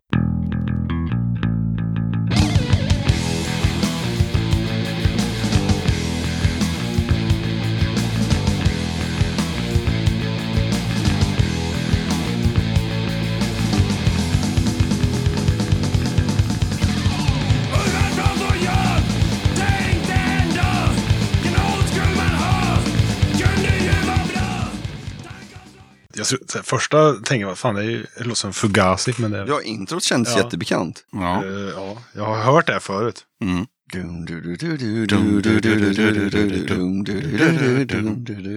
Har vi nämnt bandet? Det vågar jag inte svara på. Är de, är de 50 plus? Ja, det är de. Är det attentat? Nej.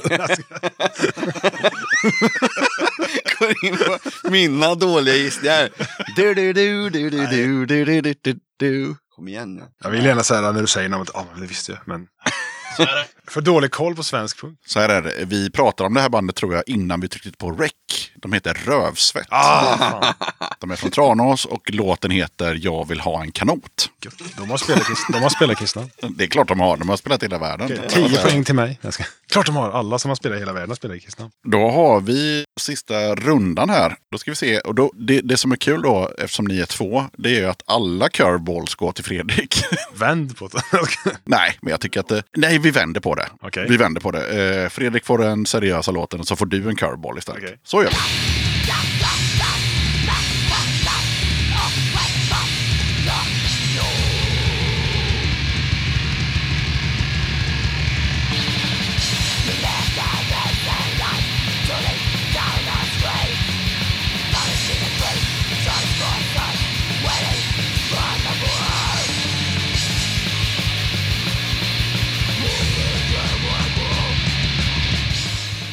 Nej, här kommer jag... Nej, Nej, vi behöver inte diskutera Nej. utan det är bara nej. det är bara nej. Ingen aning. Jag tyckte han sjöng på engelska. Mm, hon. Det är Hon, ett band ja. som består av fyra tjejer från Göteborg. De heter Contorture och låten heter The Street Were Never Yours. Ja, brutalt var det i alla fall. Ja, de är svinbra. Så då får ju Simon curveballen istället då. Noll poäng till Fredrik. Mm, noll poäng. Ja.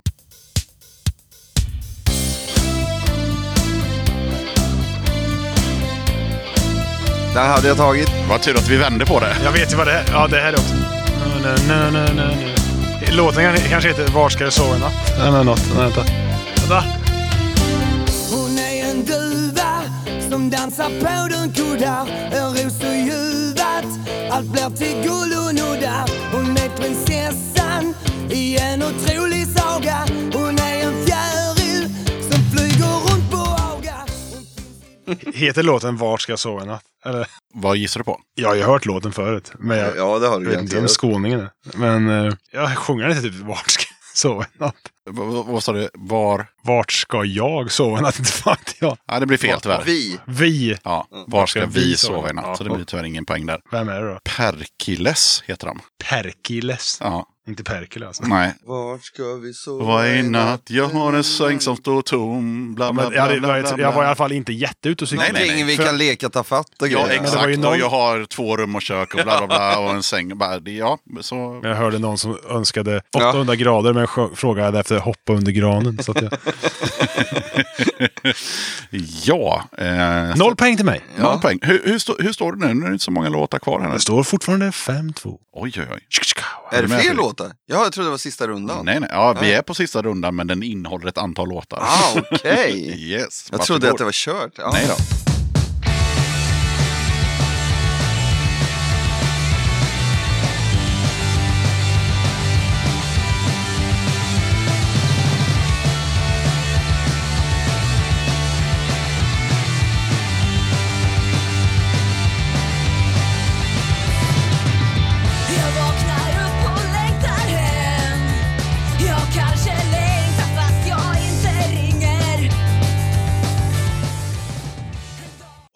Fan vad bekant. Mm. Det är en tjej som sjunger men de andra är killar, eller hur? Jajamän. Jag vet är, Eh, tror nej men jag. tyst nu.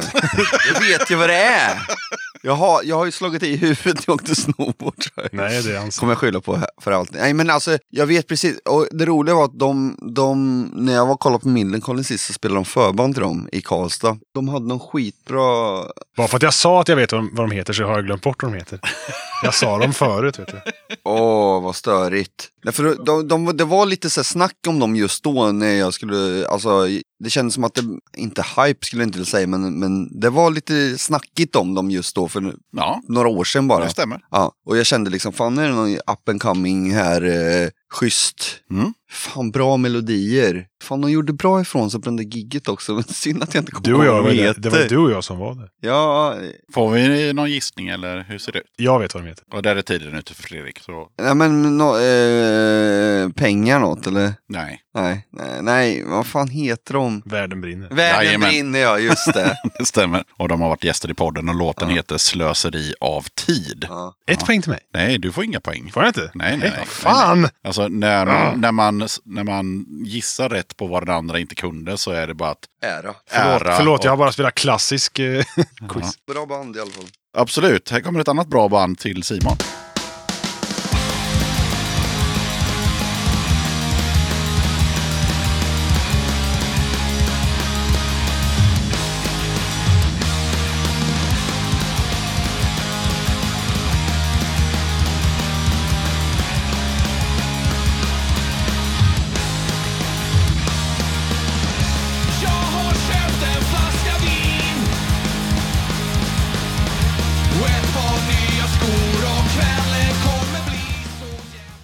Är det ett nytt band eller ett gammalt band? Ja, De har funnits i några år.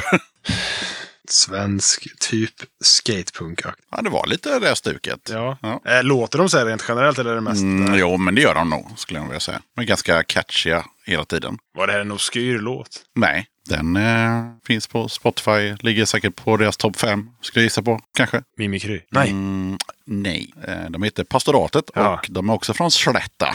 Jag bara gissade i slutet. Eh, Låten heter Mitt så kallade liv. Det blir det hårda bud till Fredrik.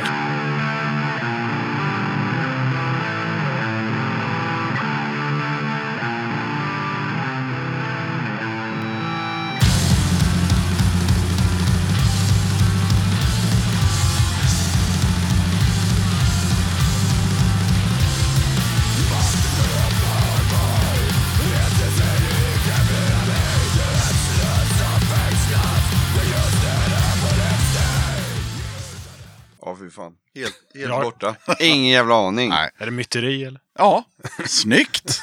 Det var myteri. Mördare i uniform. Ja, Det är hans musik. Ja, men vi är ju ja, men vi är polare. Det är ju Matte, Matte som spelar med Vengeance har ju spelat gitarr i myteri. Vi har ju turnerat med myteri. Och myteri varit med i podden. Ja, Så- Frans och domaren. Jajamän, jajamän. Det är bara två låtar kvar, så hur ser ställningen ut? Fortfarande jag fem. trodde det stod 5-3, men det står ju fortfarande 5-2. Ah, är du med Simon? Japp.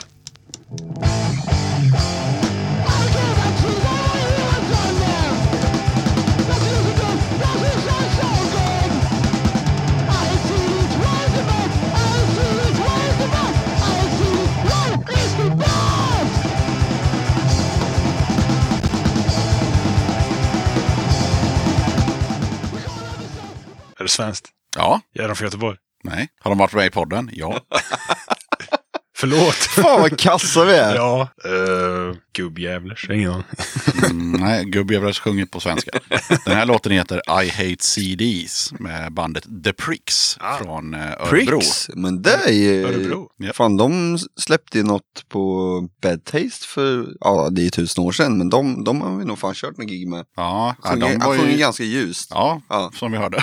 Men han är stor, kraftig och skäggig Ja, och heter Janne Elfsten. Ja, exakt. Och uh, köttruck tror Fan, jag. jag känner igen den Ja. namnet. Ja, men hade- jag tror du träffade han i Örebro. Ja. Det är varsin låt kvar. Så jag tänker att vi tar... eh, Vi gör som förra gången. Vi tar den seriösa... Vi avslutar med den seriösa till Fredrik och eh, curveballen till Simon.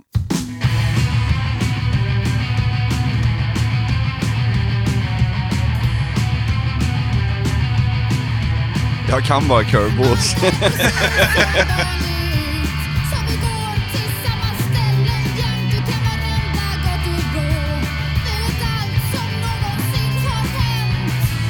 ja, nu är det inte världen brinner i alla fall. Som jag inte ens kom på förut. Här Nej, jag kände tyvärr inte igen det. Nej, Det förra kände jag igen, men kom inte på. eh, det här var Vonna Inget. Jag skulle säga Vonna inget. Du kunde det? Ja. Snyggt. Vad heter låten då?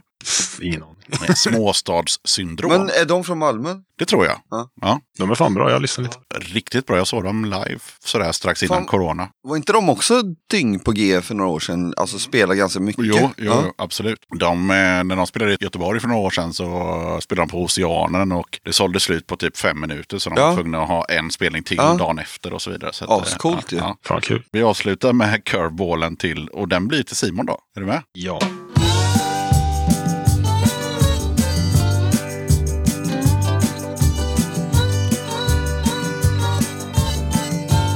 Slide. Dobro. Jonegård är ett riktigt arsel Snodde våran mellis med ett halvårs varsel Han borde käka spikskor och listigt dra iväg Utrikes madammen Karin Söder snackar om sin u-hjälp så hon blöder Hon borde käka spikskor och listigt dra iväg Ja, får vi låsen kanske inte spikskor? Ja, det är en bra gissning. Ja. ja, ingen aning. Nej. Ska- ja, men det är samma tid. Så det är, du tänker helt rätt. Ja. Men den här snubben heter Blomman. Ja. Och låten heter De borde tjacka spikskor. Och listigt dra iväg. Ja, hela den tiden. nej, nej, nej, nej, nej, nej, nej, Utan de borde tjacka Det var spikskor. ingen Men jag, Morrissey-titel. men, men jag gillar att de, att de måste listigt dra iväg. Ja. Nyttig eh, quiz så man får lite Men nytt. nytt. Blomman, Mm. eh, han hade någon annan hit. Ja, Han hade någonting med elefanter eller någonting också. Ja. Man får kolla det på YouTube. Men eh, Blomman, ja. Var, det, det slutade väl med en skrällseger till Fredrik då, eller? 5-2. 5-2. Ja, Men- Med mitt överstrukna tredje Men poäng. även fall det var 5-2 så skäms jag över min okunskap i eh, sp- speciellt de liksom modernare svenska banden. Där behöver man plugga på lite känner jag. ja, då ska vi se hur det blir med prisutdelningen då. Du får välja en sjua i den här påsen. Oj oj oj, shit vad kul. Är det, är det liksom eh, de banden här eller? Nej, det är lite blandat eh, som folk har skickat in och skänkt och sådär. Så att eh, du får ta, ta en sjua som känns kul. Men har du något tips eller? Nej, utan du får bara säga att den där ser rolig ut. Tar du den? Ja. Är det de gamla? Ja, Det är det? jajamän. Ja, den där tror jag har. Ja, då är det onödigt att ta den. Ja, den ska jag inte ha. Jag bara blev så här, nej men det kan inte vara där. Jo, det är den. Jo då. Men du kan ju säga vad det står så kan jag tala om vad det är för någonting om du undrar över någonting så. Ja, några vet jag ju vad det är. Den behöver Ja. du inte säga. Uh, Wolves in Haze vet jag inte vad det är. Det är typ actionrock fast lite mer så här laid back actionrock. Hongkong. Det är ett band från Stockholm som är lite annorlunda, annorlunda kan jag väl säga. Ja. Ja. Ein, zwei, die. Det är också från Göteborg. Eh, Det är en split sjua. Shaking Heads också. Ja, precis. Jag, jag kommer faktiskt ta Scumbag Millionaires Under the Spell för att eh, eftersom jag känner eh, ja, Max som spelar gitarr gör våra videos. De har varit gäster där va? De har varit gäster. Jag och har inte en, den. Nej, och det är en riktigt bra sjua. Så Scumbag Millionaire, absolut. Bra val. Ja, mycket bra val. Tack som fan. Varsågod. Och sen får du då traditionsenligt den här. Du ska få tillbaka en Den ska jag få tillbaka. Och så får du en alldeles egen. typ Tackar. Ja. En ny jobbbag. Och sen så får du en, eh, ett kuvert. Och i den så finns det pins och patchar och klibbor och sånt med raketten. Tack som fan. Och sen får du som den femte och sista personen en eh, mössa som är gjord i fem exemplar. Åh jävlar. Japp. Det var limited. Ja, det är väldigt limited. Fem exemplar. Shit. En Ja, bra. raketten, jag vet inte var man ska ha den. Man är ute och springer eller ute Ja, ja. och åker skidor. Ja, du åker snowboard. Kan. Snowboard, perfekt att ha under hjälmen. Fast då Ja. syns ju inte loggan, får dra den över hjälmen. Du kan ju flånta med den när du är ute och afterskiar. Afterski. Jag är extrem afterski-person. Mycket hänger bland gammal 90-tals eurodisco. Då kan man ju bland annat få höra den här Var ska vi sova i natt till Ja, exempel. det kan man få göra. Ja. Och leka tafatt. Och ping. Och Pinks. Ja. Jajamän. Ja. Nej, men jag tackar Fredrik och eh, Simon som fan för att ni ville vara med som gäster i Döda katten podcast. Ja, tack som fan Tack för fan. att du ville ha oss med. Riktigt jävla kul. Mm. Och eh, synd att vi sög på quiz. Ja. Men det gör de flesta så det är helt okej. Eh, ha det gött! ja, ha det gött. Tack så mycket. Tack så fan. Tja. Tja.